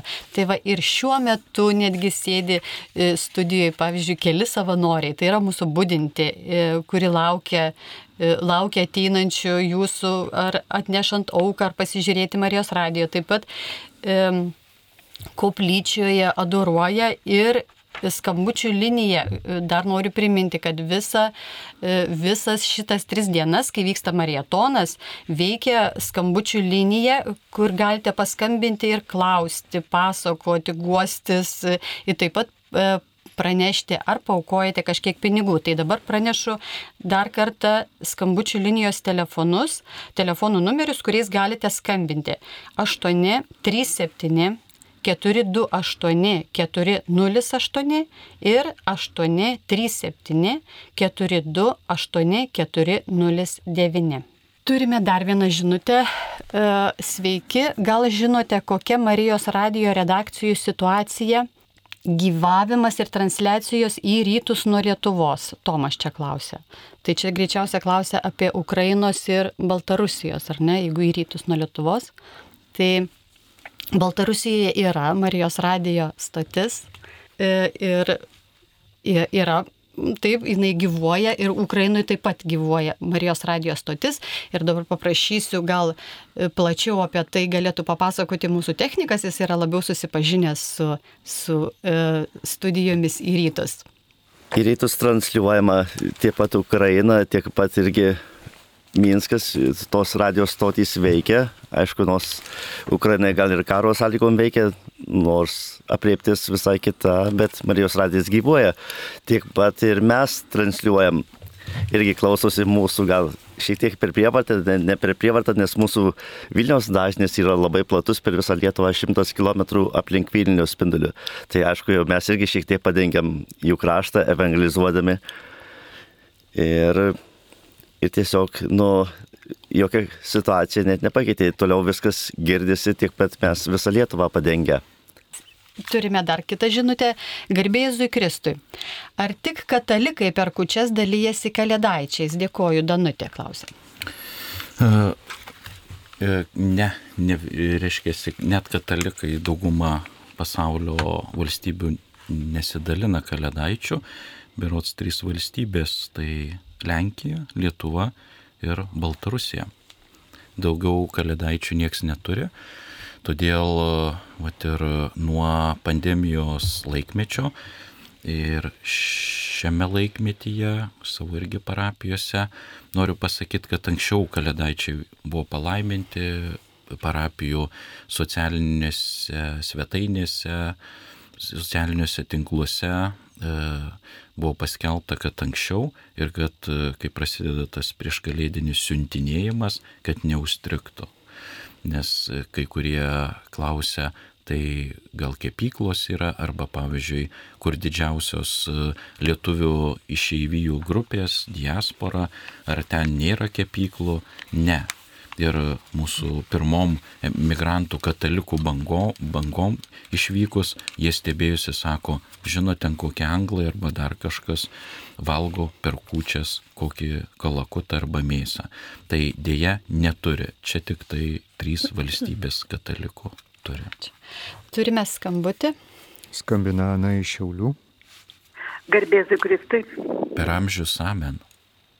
Aš norėjau taip pat kakliai ganėtinai tuos reklamuoja numeris 1622, 1623. Aš anksčiau irgi keletą kartų po penkis susiminau ir siunčiau, bet kažkaip man nelabai patiko, aš geriau paukoju kiek galiu to į tą bažnyčio dėžutę. E, kiek norėjau paklausti, kodėl nenori, todėl kad man atrodo, kad telefonų kompanijos neblogai iš to pagyvena, nes anksčiau siūsdavo vaikams ir paskui buvo didelis straipsnis, kad jie neblogai uh, ten jau pagyvena užsipaima dalį pinigų. Kaip yra čia? Gal geriau bažnyčiai aukoti dėžutėse tose, bet nesiųsti tais telefonais. Ačiū. Ačiū už klausimą. Iš tikrųjų taip, telefonų kompanijos paima savo dalį e, už paslaugą. Tai visada, visada žinoma, teikiam prioritetą, kad, būtų, kad atneštumėt auką į, į Marijos radiją ir paduotumėt savanoriams ar į dėžutės, tačiau ne visi turi tokias galimybės ir aukojimas telefonu yra tikrai pakankamai patogus ir greitas, neišinant iš namų galima paukoti. Tai todėl ir ir taikom šitą būdą. Tai kas galite, žinoma, atneškite, atneškite, ateikite pas mus į studijas Vilniuje arba Kaune arba savo parapijose. Turime žinutę, gal tokia daugiau žinutė neklausimas, bet toks pasidžiaugimas, tai parašyta. Garbėjai Jėzui Kristui, labai džiaugiuosi kunigu Sigitu Jurkštu, džiaugiuosi jo pamaldumu, kuklumu, kurį mes klausytojai labai jaučiame ir, jie, ir jis mus uždega. Yra mums pavyzdys, taigi džiaugiamės savo programų direktoriumi kunigu e, Sigitu Jurkštu ir dėkojam už tokią gražią žinutę. Taip, dabar žinutė, ko gero kunigui Fakėjevui čia būtų, e, garbėjai Jėzui Kristui, mane domina, ar galima artimam žmogui nežinant pašlakstyti šventų vandeniu jo kambarius. Jozefa klausė. E, galima, bet tas pašlakstimas nebus sakramentinis Galima, nes e, kadangi, pavyzdžiui, didžiojo šeštadienio Velyknakčio peiguose palaiminamas vanduo ir žmonės nešas iš tikro apie jį, reikėtų šiek tiek plačiau, kad e, reikėtų jį naudoti. Taip, galite, pavyzdžiui, kur yra ligonio kambarys ypač, pavyzdžiui, šeima, kuri nesugyvena arba kažkur įvykę traumų. E, e, tai visur, taip pat e, ypač Velykinių laikų, nuo didžiojo šeštadienio vakaro iki sėkminių sekmadienio aštuonios savaitės, reikėtų kas rytą parsinešus Velykinio vandens, pasivilgius pirštus, ryte persižegnuti, galima ir vakare, tai pirmą tu prisimeni, kad esi prisikėlimo žmogus. Ir žinokit, tas pradeda veikti kai tu žinai šitą informaciją, kad e, aš atsikėliau, kad daryčiau Dievo darbus, ta tėvė mūsų maldos prašymas, kad e, tiesie tavo valia ir aš noriu vykdyti tavo valią. Tai mes esam vilties prisikėlimo amžino gyvenimo žmonės, naudokite būtinai. Tik tai jau kur reikia rimto palaiminimo namų arba darbo vietos arba netgi kur ligonis yra. Ir taip pat katalikai turėtų naudotis e, labai būna jautrus dalykai, keletą per savo kunigystės beveik 22 metų patirtį atvejus žmonės patys paklausė ir pakvietė. Sako, va čia mūsų namų aplinkoje nusižudė šeimos narys. Ar ga, galima laiminti? Reikia nes ten yra mirties dvelgsmas ir žinot, ir psichologai tą liudyja, e, kur yra va tokia tragiška situacija, reikėtų, kad neįeitų piktosios dvasios, blogos mintis, nes paskui būna net giminiai arba šeimoji persiduda šitie dalykai ir tai labai rimta. Tai jau tada reikia kviesti kunigą arba aišku, kur darosi neramu arba kažkas buvo prieš tai netinkamo daroma gal kažkokia, žinot, ir pe, nupirko žmogus namą, bū, būrėsi žmonės, burtus naudojo, kažką tai darė ir panašiai. Ir tiesiog ar žmonėm nejaukų būna gyventi, kai liudyja. Taip pat galbūt buvo žudomi, nes kartais po antro pasaulinio karo metų, kai nuperka E, namus arba iš kapinių atvežto žemės yra ir panašus dalykai ir tas pradeda veikti žmonės ir jų gyvenimą, jų psichiką, jų būti. Tai labai reikia kviesti savo namus dvasininką, jis turi specialią mm. tarnystę, pasiuntinybę ir jis tas yra kovotojas prieš tą dvasinį blogį. Tai laiminti reikia. Taip pat e, aš savo parapijos irgi skatinu, pavyzdžiui, pelenų trečiadienį žmonės, kurie negali ateiti, tai ką daryti ligonėm, tai čia yra ne švenčiausias sakramentas, ne komunija pelenai, tai padedam visada šaukštelį, taip pat e, e, lapelių, e, popierėlių, servetėlių vienkartinių ir sakau, neškitės ir pabarstykit savo ligonėm, negalintiem, nenorėjusiam ateiti, ypač jaunesniem, ant galvos tariant žodžius, bent jau dvi ir evangelinės vietos, atsiversk ir tikėk Evangeliją barstant palaimintus pelenus, arba antras, atmink žmogų, juk dulkėsi ir dulkėmis virsi. Ir atrodo, nu kas čia pabarstysiu pelenais, arba kažkaip taip. Tai paskui žmonėm vis tiek suskamba kažkas sieloje, širdyje ir mintise. Tai sakramentalijas galima ir reikia katalikam naudoti ir jūs turit visi, mes visi pakrikštyti bažnyčioje katalikų karališką kunigystę. O ką daro kunigas? Laimina, meldžiasi. Šiuo atveju gali išlakstyti, bet ne taip kaip su sakramentinė kunigystė gale. Turime klausimą skirtą muzikos redaktoriai. E, klausytojas klausė, iš kur ir kaip parenkate muziką eteriui? Į eterį muziką kruopščiai bandome rinkti. Iš tikrųjų, Marijos radio eteris tai ne tas eteris, kur groja bet ką ir bet kaip. E, tai yra krikščioniškas balsas į jūsų brangus klausytojai namus. E, tačiau m, iš kur tą muziką gauti, mes, žinome, bandom įveikti visas tokias šiuolaikinės užduotis. Vienas variantas perkam atskirai tuos vadinamus failus dėsmių, e, kartais kopijuojame kompaktinės plokšteles dar iš senesnių laikų tradicijų, bet iš tikrųjų viskas veikia e, puikiai šitą sistemą. Kartais turim džiaugsmo vieną kitą įrašą padaryti patys, tačiau šiuo metu savo Marijos radijoje mes čia Lietuvoje neturime visų galimybių daryti labai kokybiškiems e, įrašams. Svajojom apie tai ateityje, kad galėtume įrašyti daugiau dėsmių ir patys. Taigi mūsų toks tie bazė įrašai iš visur. O kaip juos bandome priderinti eteryje, tai užduotis yra žvelgimas į visą redakcijos programą. Jeigu mes turime maldos laiką, tai galvojam apie tai, kad turbūt žmogus laukiantis maldos, jis mažiausiai norės uh, šokti. Uh, tada ir muzika būna kiek ramesnė, kartais daugiau ir klasikos, kas kviečia į maldą. Jeigu yra tarp laidų, tarp pašnekėsių, tarp diskusijų, čia mes esam lengvesni pasirinkti įvairių stilių, nes iš krikščioniška muzika gali būti ir jaunatviško stiliaus, gali būti ir liaudės giesmės, gali būti ir klasika, chorai, solistai, tai iš tikrųjų spalvų mes turime labai daug. Ir ačiū nuostabiem klausytojam, kurie kartais sureaguoja ir pasako ne tik, kad kartais vieną kitą pastabą, kuri mus ugdo, e, bet ir taip pat pasidžiaugia.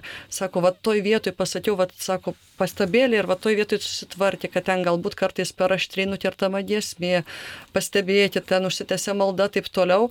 Yra dalykų, kur visi tarsi mes suprantam, bet nepastebim kažkokio ten galbūt dėsningumo, kurį galima pataisyti. Tai mūsų klausytojai nuostabus yra ir labai gražiai sureaguoja tiek į taisytinus dalykus, tiek į kažkokį jų nuomonę pagerėjimą.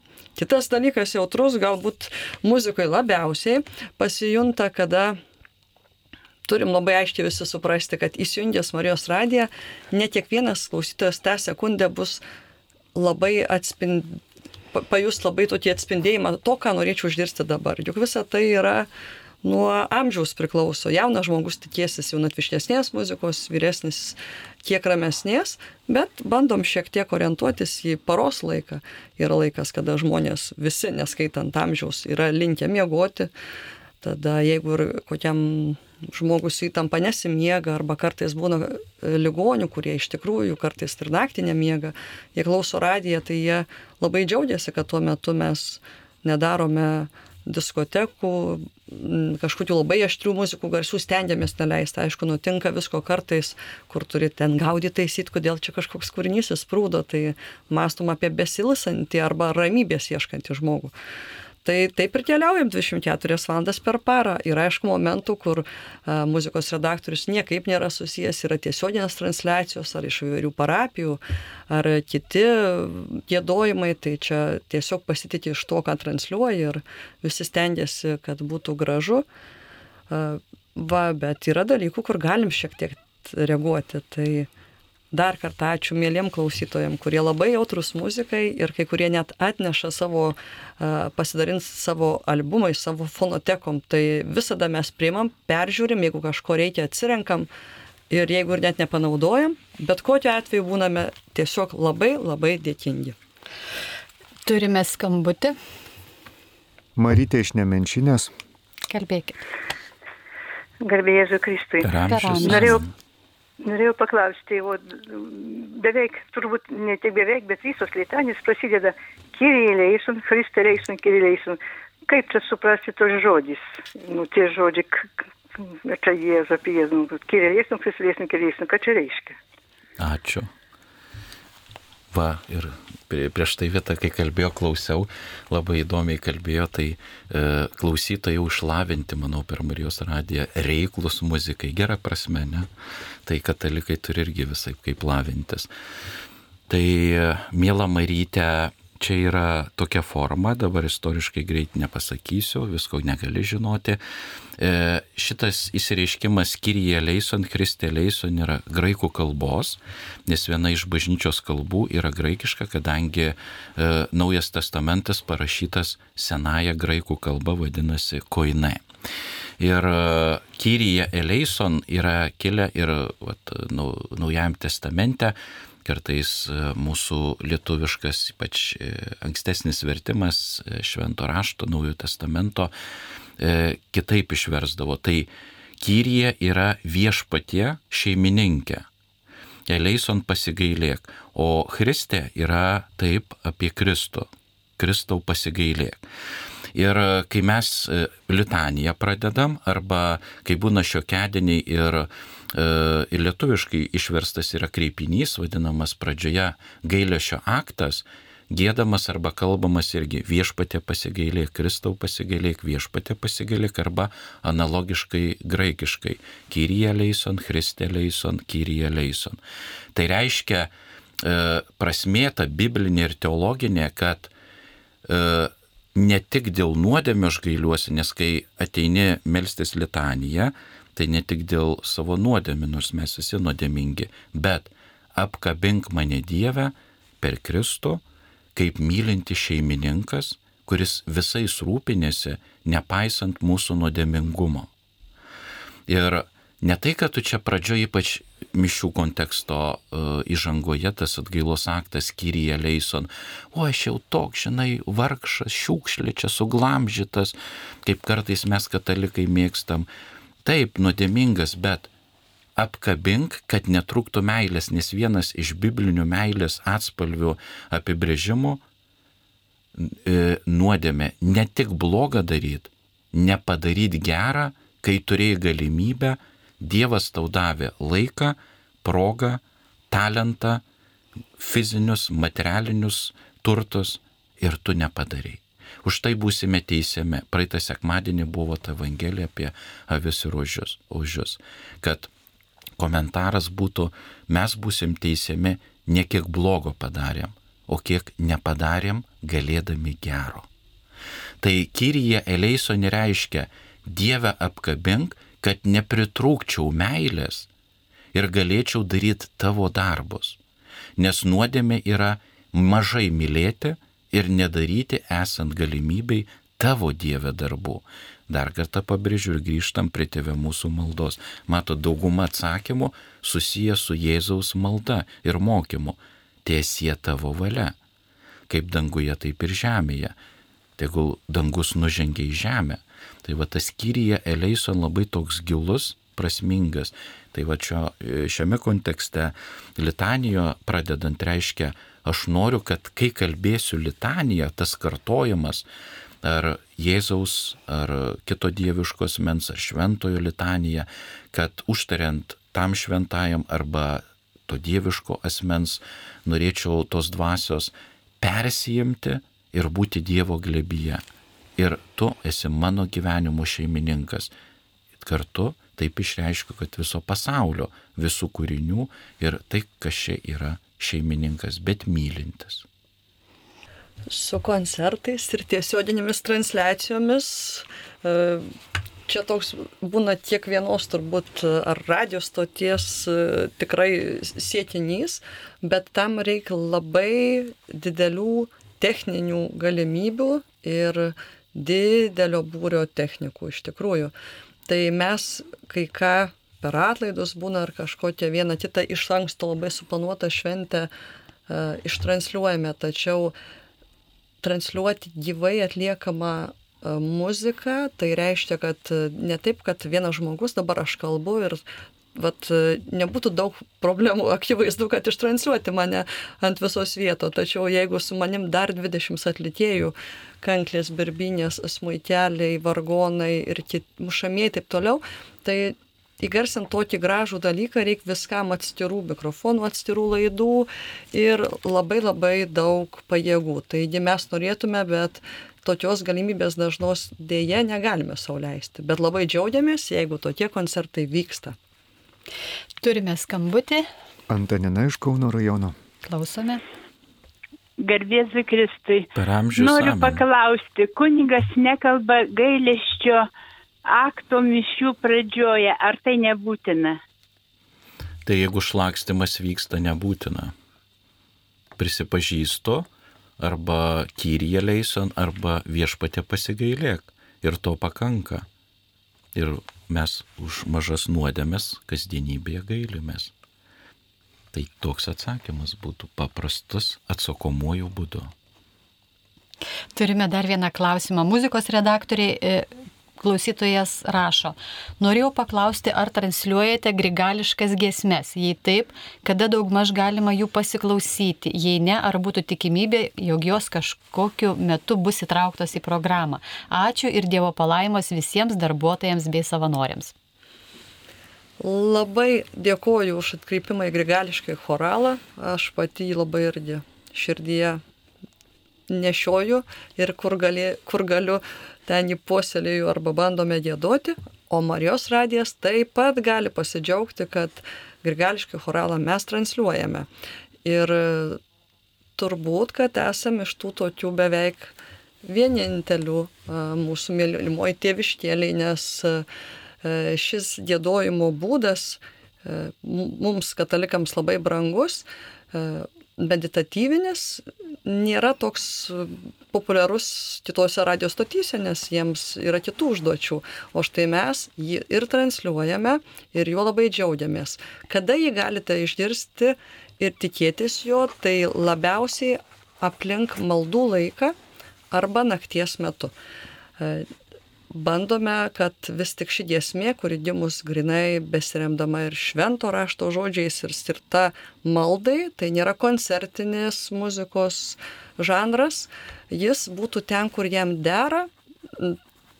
Tai šiais laikais retai, kur išgirsi dėdama grigališką choralą mūsų bažnyčiose, ačiū Dievui dar yra tokių vietų, bet mūsų radio eterija jis skamba. Taigi labiausiai šalia maldų ir naktį, kada žmonės tikrai gali sauliaisti ir e, išgirsti tą švento rašto tekstą, pateikiamą tokia gražia vienbalsę dėdojimo tradicija.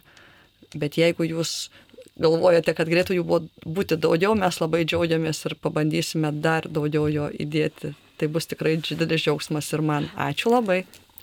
Ir perskaitysiu Zigmo iš Ilakių žinutę, kur jis pasidžiaugia, sako Marijatonas, tai jėga, gerasis Dievas te laimina jūsų žingsnius. Ačiū Zigmai už tokį gražų e, pasidalymą ir palinkėjimą. Taigi prieš persijungiant į, į Vilniaus studiją dar buvo žinutė apie, apie aukojimus. Toj pabandysiu surasti, kur jinai pabėgo. Tai e, klausytojas klausė, e, vakar kalėdinėje išsipildymo akcijoje surinkta vos 200 su trupučiu tūkstančių eurų, nors kasdien milijonai išleidžiami pramogoms, rūbams, kelionėms, tai gal nesame tokie dvasingi. Na, kadangi klausimas susijęs su aukojimais, gal kunigė Juozai atsakytumėt. E, na, čia kaip pasižiūrėsi, toks e, iš įvairių e, kampų gali pasižiūrėti. Tai jeigu mes kalbam apie konkrečiai katalikus krikščionės, tai jau nuo parapijos bendruomenės tas aukojamas tokia kaip yra, na, šventa pareiga. Ne, ir penktas Dievo įsakymas, bažnyčios įsakymas penktas, padėk išlaikyti savo bažnyčią ir jos tarnus. Tai vienas dalykas.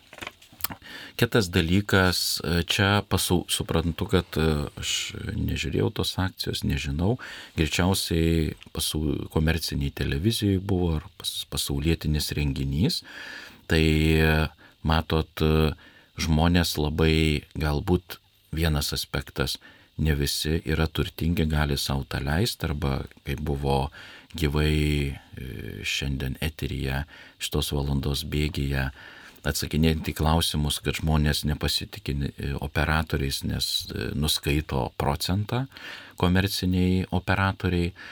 Kita vertus, ne kitas aspektas, galbūt aš čia taip e, mastau, tik tai gal nepasitikė tais, kurie surenka aukas, kam bus skirta, nes visokių kalbų, neiškumų, žiūrint, kas renka labai svarbu, kokios asmenybės greičiausiai, kokia organizacija už tai atsako.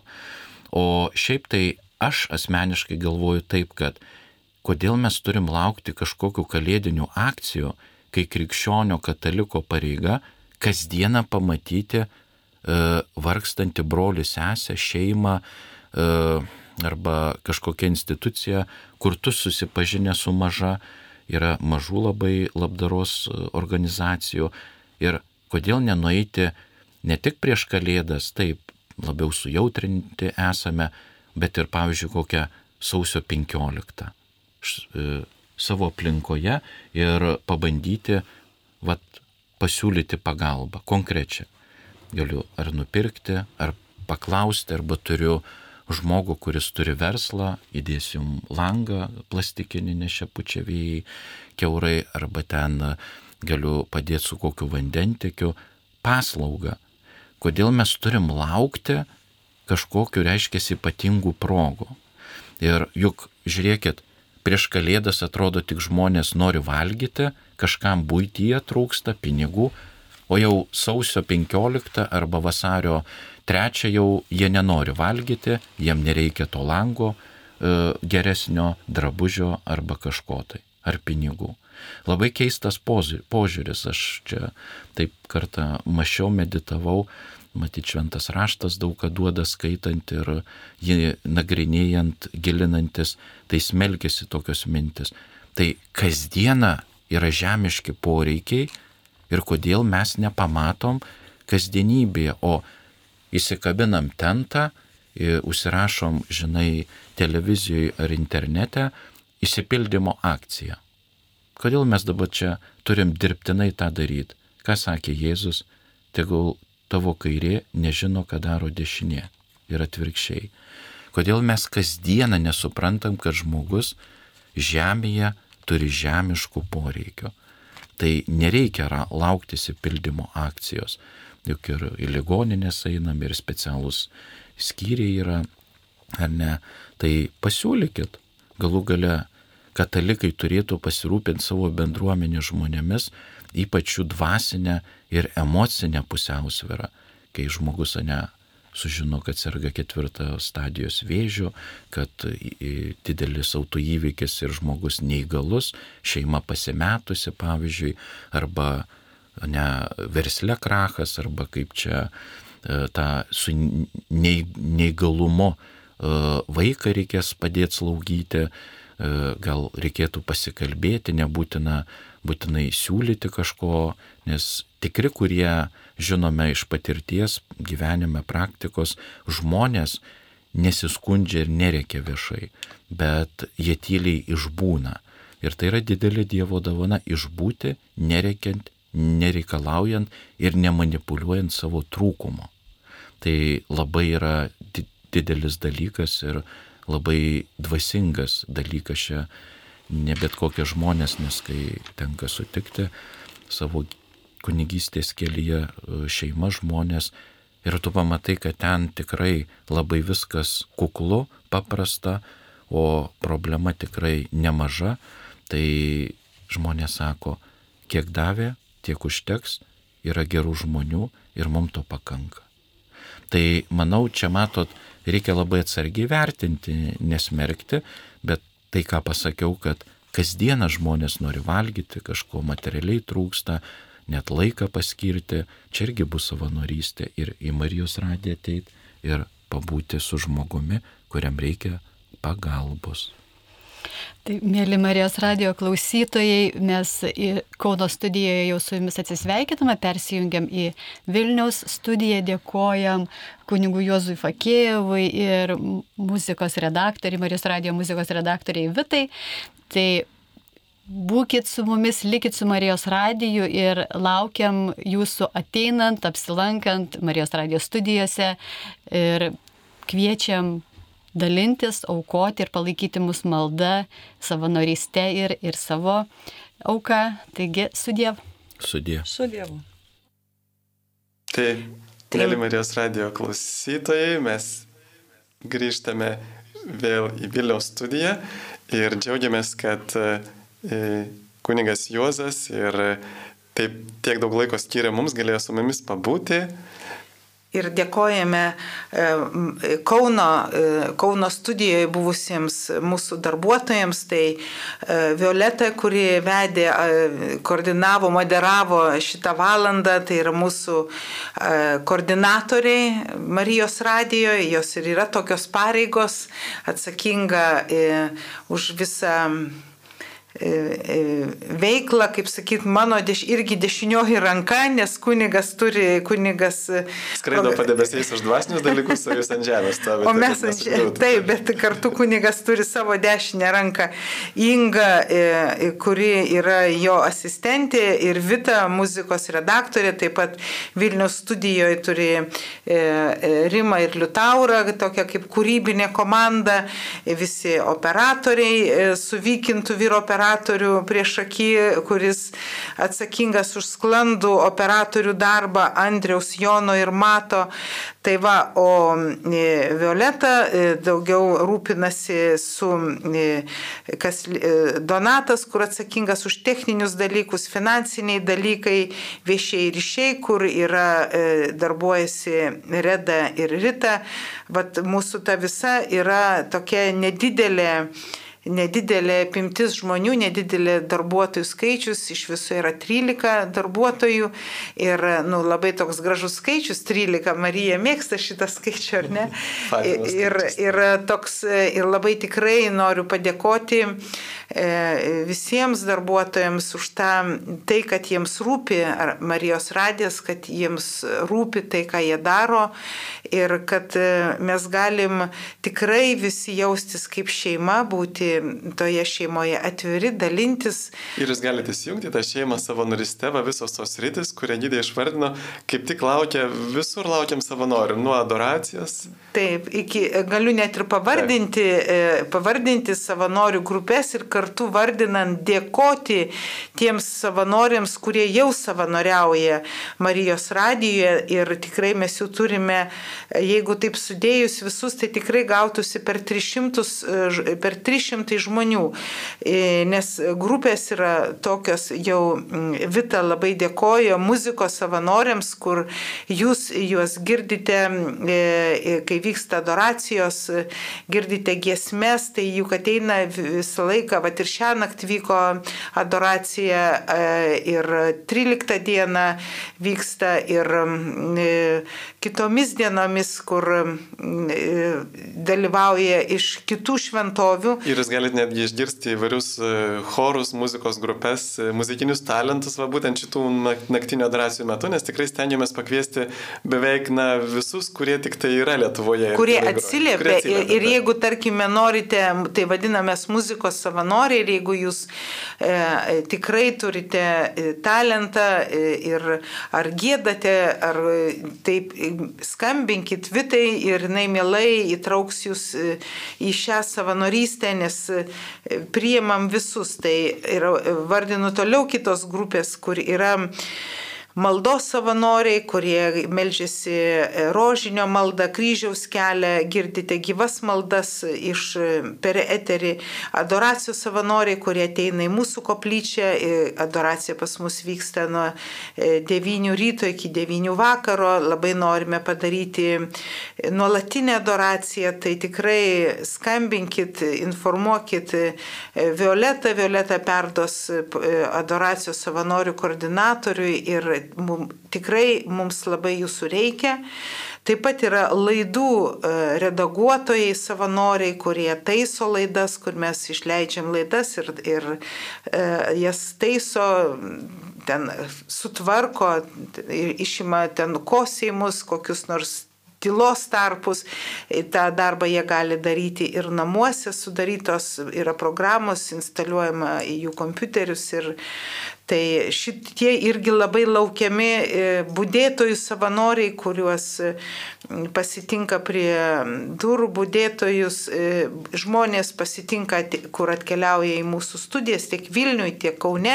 Tai ten irgi reikalingi žmonės, kurie per visą dienos laiką, net dalinasi po pusę dienos ir ten visą laiką, jeigu jūs atvykstate į studiją ir sutinkat būdėti, tai žinokit, ten yra savanoris, kur koordinuoja tos savanorius. Tikrai labai noriu padėkoti Virginijai, jau daugiau negu dešimt metų dirba šitą savanorystės darbą, kuris tikrai labai svarbus radijui.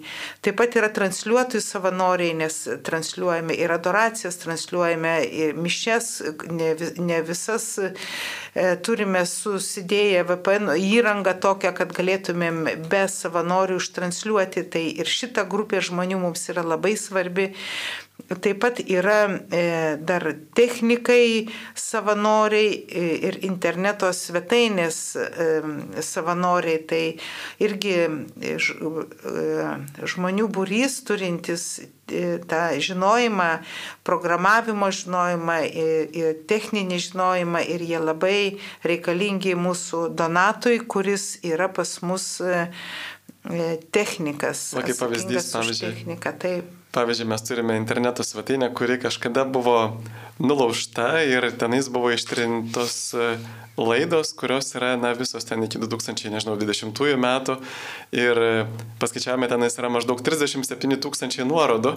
Ir va, dėl to dabar programuotojas būtent dirba, kad jis galėtų atstatyti automatiškai tos dalykus. Taigi, matot, va, tie žmonės, kurie galėtų padėti čia su interneto svetainė, su programavimu, tai tikrai mums labai reikalingi.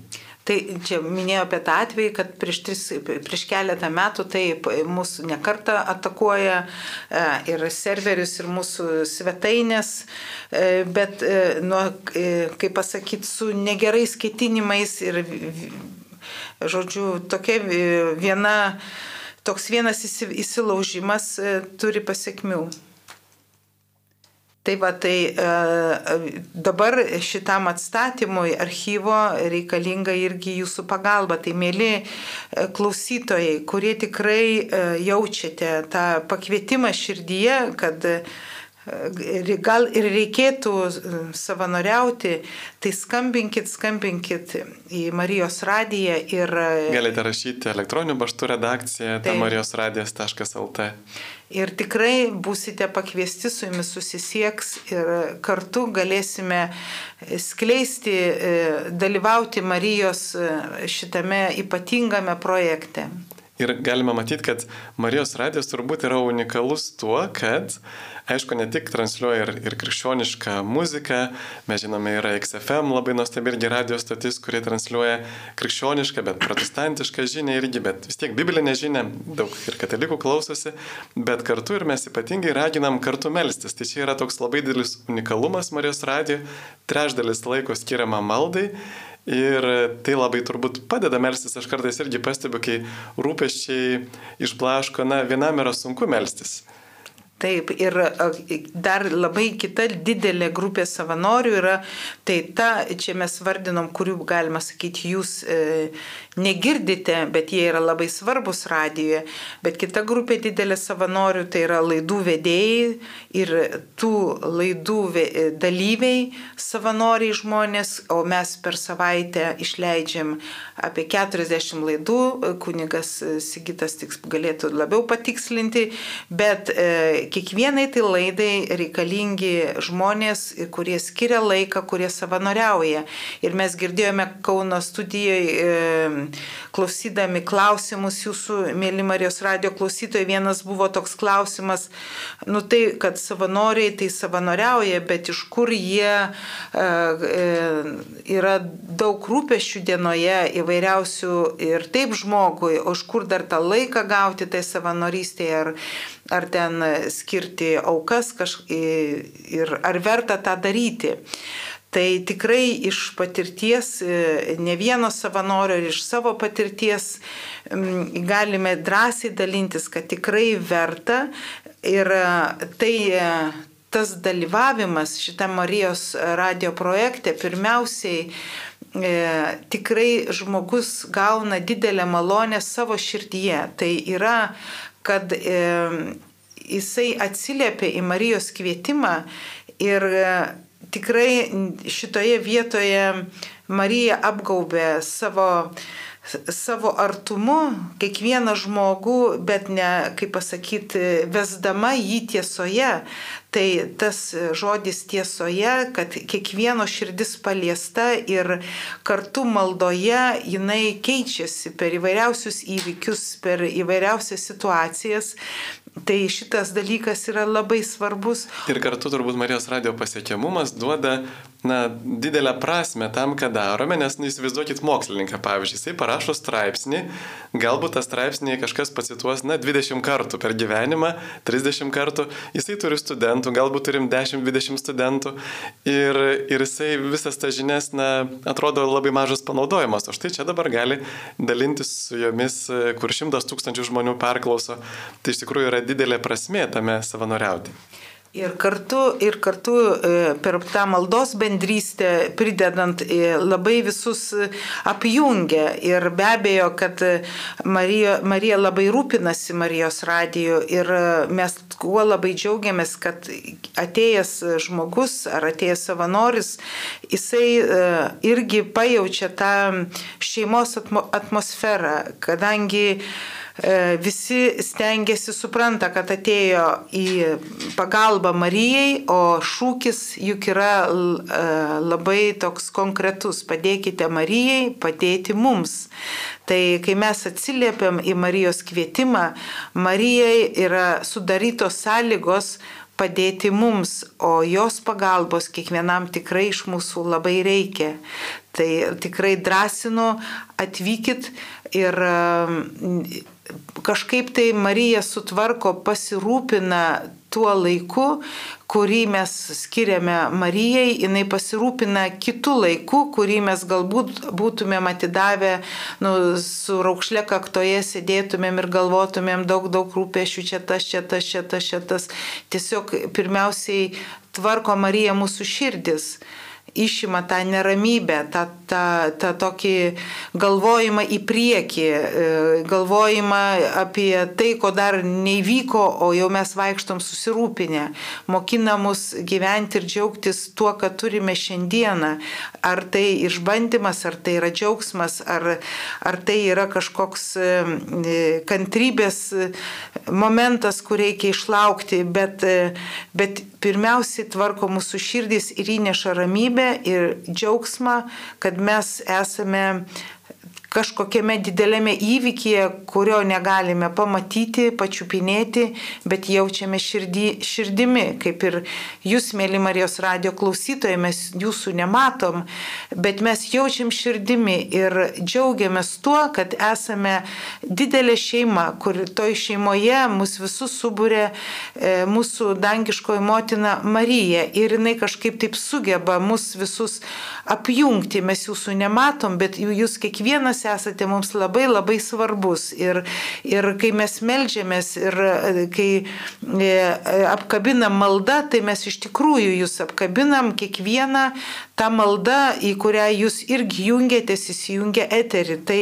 tai yra tikrai nuostabu ir lygiai tą patį jaučia ir mūsų Marijos radijo savanoriai, kurie ir veda laidas ar kurie savanoriauja kitose e, kitose grupėse, kur, kur mes jų negirdime, bet vis, visą tai jaučiame. Ir tas yra labai nuostabu. Ir ką galime jums pažadėti Marijos radio, tai tikrai šypsena, kur kiekvienas yra sutinkamas su šypsena, kiekvienas, kiekvienas yra žmogus svarbus. Aišku, rūpešių mums yra ir tas maratonas yra kaip ir dėkojimo šventė, kaip ir pasidalinimo šventė, kaip ir... Va... Bet kartu ir norim tokią irgi žinutę pasakyti, kad jūs negalvokit, kad mes čia kaupiam turtus, bet iš tikrųjų mes visą laiką turime tik tai šitą mėnesį. Jeigu vieną mėnesį mes nesurinktume, mes nebegalėtume toliau. Taip, va šitas irgi yra e, toks įdom, to, tokia įdomi situacija, kad tiesiog e, Marija duoda tiek, kiek reikia, per tą, kiek reikia, jinai irgi ugdo mūsų pasitikėjimą, tikrai mes nesame įkritę į, į tą, tarkim, o ką daryti kitą mėnesį, mes pilnai neturim dar pinigų, ir ką daryti, kas bus po mėnesio, kai reiks mokėti sąskaitas. Tikrai mes neįkritę į tą tokį rūpestį, e, pasitikim Mariją ir darome, ką galime daryti maksimaliai, kiekvienas atiduodamas savo žinias, pastangas, laiką ir, ir tikime, kad tikrai rasime, atsiras tas sprendimas e, ir atsiras dosnių žmonių ir jų yra ir, ir tikrai dėkojame Jums už tą Jūsų, ypatingai tie, kur pastoviai aukojate ir labai kviečiame prisijungti prie aukotojų ir kitus žmonės, kurie gal dar neapsisprendė aukai. Būkite drąsūs, būkite dosnus, tai yra, tai yra dang, visa tai Dievo garbiai daroma ir, ir aišku, ir dėkojame ir tiems žmonėms, kurie, kurie turime irgi tokių paukojimų, paukoja E, testamentu savo e, turto, turtą arba dalį turto, kurį mes irgi jo nekaupiam ir nerušiuojame, esant galimybėj parduodam ir apmokam sąskaitas. Tai va tikrai dėkojame Jums, mėlyjeji, kad mes visi kartu galime judėti į priekį ir, ir džiaugtis. Pirmiausiai džiaugtis maratonas tai yra tikrai tokia džiaugsmo šventė, kad mes turime vieni kitus per, ir šita šeima yra apjungta Marijos ir jinai būtent yra apjungiama radio bangomis, Tai yra nuostabi, nuostabi dovana ir didelė paguoda, viltis ir didelis tikrai širdies džiaugsmas. Tai maratonas tai ir yra ta, tos dienos, kurios skirtos, kad dėmesio sustokim ir pasidžiaugkime ir, ir kartu su visais jum, klausytojais, savanoriais ir aukotojais, kad viskas yra gerai, kad mes Lietuvoje turime radiją, kad Lietuvoje yra taika, kad ne, ne, nevyksta jokie karai, jokios pandemijos, kad turime e, bažnyčią, turime ganytojus, kunigus, e, turime vieni kitus ir toliau melskime, kad būtumėm stiprus, ištikimi, mylintis, pasitikintis ir, ir dosnus ir atviros širdies. Taip, ir dabar dar galime sugrįžti prie, turime dar keletą žinučių. Klausia klausytojas, prasidėjo kalėdojimas. Ar gali kleboną aplankyti parapietis su kalėdomis, ar tai priimtina? Na, jeigu netuščiamis rankomis, tai aš gali. nu, tai čia kaip juokas, bet aš manau, kiekvienas, kiekvienas e, klebonas, kunigas be abejo apsidžiaugs e, džiugė žinia, apsidžiaugs e, aplankymu ir, ir be abejo aplankydamas kažką tai atneš, nes lietuviai aplamai yra vaišingi ir dosnų žmonės. Tai čia labai vat, gera, geras jūsų pasiūlymas ir gali galima tikrai per adventą padaryti Marijos radio klausytojai, gal mes galėtumėm visi taip pamastę, pagalvoti, kas gali, vis dėlto nelaukime klebono, bet kleboną aplankykime ir jį pradžiuginkime. Tai reiktų pirmas susitarti, kad susitvarkytų suspėtų žmogus. Tai. nu tai čia taip jau kaip, bet pati intencija labai būtų graži, nes e, e, kunigo tarnystė nėra lengva tarnystė ir e, ir jam palaikymo lygiai taip pat reikia kaip ir kiekvienam iš mūsų. Dar atsiųstas klausimas, ar gali tikinti žmogus būti turtingas, kaip būnant turtingu teisingai matyti vargšus? Ar tikrai reikia viską išdalyti vargšams ir pačiam likti vargšu? Kaip... Čia jūs gal esate turtingesnė, tai galite papasakoti. Žinot, kaip tik prieš e, klaidą klaus drąsiai e, per Marijos radiją vyko e, kunigo Algio Toljato katechezė labai gera. Ir būtent jisai atsakinėjo va šitą klausimą. E, lab, e, jisai tam skiria 40 minučių ir e, tikrai, jeigu jūs labai raginu pasiklausyti, įeiti į mūsų internetinį puslapį ir archyvose susirasti ir tą laidą ir jums tikrai jis nuosekliai tvarkingai atsakys į šitą klausimą turtingas ir vargšas. Kas yra turtingas ir vargšas, kaip mes skaitom Evangeliją? Marija kad būtent jo ir kunigo Algio Toliato vat, buvo akcentas, kad turtingas ir vargšas dvasioje tai nėra pasveriamas e, e, turtu, kuris, kurį mes matome. Nes vargšas gali neturėdamas, tas varguolis neturėdamas nieko, jisai gali būti, nu, mm, dar didesnis uh, varguolis savo sieloje. Vergas ir prisirišęs prie. Tų... Vergas ir prisirišęs prie bet ko ir, ir, ir vat... Aš, pavyzdžiui, pažįstu vieną žmogų, na, aš tikiuosi, kad jis nesižeis, jeigu klausosi, bet jis neturi už ką pavalgyti, neturi už ką nusipirkti vaistų, bet kiekvieną mėnesį moka po keliasdešimt eurų už nuomą, kad jo daiktus pasaugotų, kurie niekam nereikalingi. Tai, nu va, ir tai rodo, va, tas prisirišimas, tarkime, prisirišimas prie E, e, prie turto, prie to turto, kurį aš matau. Ir jeigu man jisai nėra, e, jo, jo turėjimas tai nėra blogis, ką ir minėjo, e, ką ir minėjo kunigas Algis Toliatas, ką ir rodo e, mūsų Jėzaus, mūsų viešpaties Jėzaus pavyzdys. Jisai juk paskutinės dienas savo praleido Betanijoje ir paguoda jisai sėmėsi iš Lozorio šeimos, kuri buvo gana turtinga šeima. E, ir e, Lozorius, dvi sesis, Morta, Marija. Ir, e, bet jie buvo laisvi savo širdimi ir antiek jie buvo laisvi, tikintis, kad jie atpažino e, Mesiją Jėzuje Kristuje. Ir ne tik, kad atpažino, bet ir suprato jo misiją, jo, kad jam reikės kentėti. Ir, jo, ir net pats Jėzus Kristus pasakė, kad tai jo yra draugai.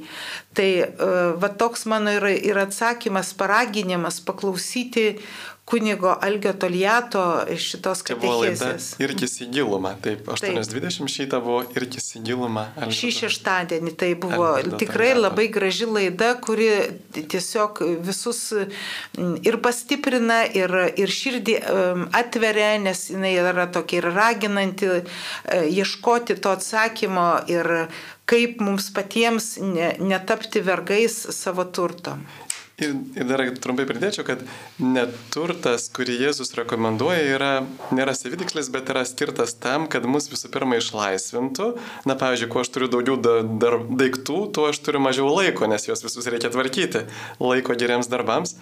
Ir taip pat turiu mažiau, kuo daugiau išleidžiu, tuo turiu mažiau pinigų geriems darbams. Vėlgi, tai tas neturtas skirtas tam, kad aš galėčiau padėti kitiems išsivaduoti iš skurdo, kuris juos žudo Ir vat, kas yra blogai būtų, tai va ta prabanga mūsų gyvenime, bet mes labai dažnai darome tai, ko net neturėtume, nereikėtų daryti, perkame tai, ko nereikėtų įsigyti, tai va turime save kontroliuoti to saikingumo. Čia kaip viena e, daktarė kalbėjo prieš kelias dienas apie ekologiją, man labai įstrigo tas žodis saikingumas, kad sako, tam, kad planeta e, joje būtų, ji būtų apsaugota, žmonės turi būti saikingi. Ir kitas dalykas, e, juk mes e, e, liūdėjom bažnyčioje, kaip sakom, kodėl nedaug žmonių bažnyčioje. Tai ne dėl to, kad mūsų bažnyčia yra ir toje bažnyčioje jis, visi yra varguoliai, apskūrė ir kažkokie tai ar ne. Juk matome bažnyčioje daug žmonių ir jie nėra, nėra vargšai. Bet e, neturime bažnyčioje daug žmonių dėl to, kad per mažai liūdėjam širdimi, ar ne, per mažai mūsų yra to gailestingumo, to gerumo, to prieimimo kito, tos mums sako ir, ir Medžiugorijos Marija sako, jūs turite ne, būti nešėjai džiaugsmo, ramybės, vilties, šviesos pats pagrindinis jos va ta žinia - melskitės ir būkite nešėjai šitos žinios Dievo žinia, per, perduokite per savo širdį, per savo šypseną, per savo gerumą, per gailestingumą. Bet e, tai nėra taip paprasta, nes jeigu būtų paprasta, tai e, visi švitėtumėm, tai nėra paprasta, tai yra mūsų kelionės dalis, kad mūsų širdis atsivertų ir kad jos būtų e, džiugios, ne, ne, ne, neįtrauktos įtrauktos pasaulio dvasios. Tai yra didelė kova, ir, ir, bet visą tai mes žinome, mums sakė ir, ir Evangelija tas sako, kad ke, kelias siauras, pasaulio kelias platus. Tai va, tai šitas dalykas yra svarbiausias, kuris traukia kitus žmonės, tai yra mūsų atvira širdis. Taip, dar turime klausimų. E, tiesiog pasidžiaugimas, džiaugiuosi jumis visais visais. Marijos radijas yra pats nuostabiausias radijas visoje Lietuvoje. Te laimina jūs gerasis Dievas. Ačiū Ir taip pat labai ačiū už Marijos e, radiją. Nuo pat kestučio Kėvalo pradžios klausausi radio ir taip pat aukoju kiekvieną mėnesį, nepraleidžiu ne vieno mėnesio. Tik norėčiau sužinoti operatorių nors vardus. Na, Sakalauskas A nuo pat pradžių dirba, yra Manauskinė. Taip, girdėjom nuo pradžių, taip pat paskutiniu laiku nebegirdžiu. Labai norėtume, jei galima, kad operatoriai prisistatytų.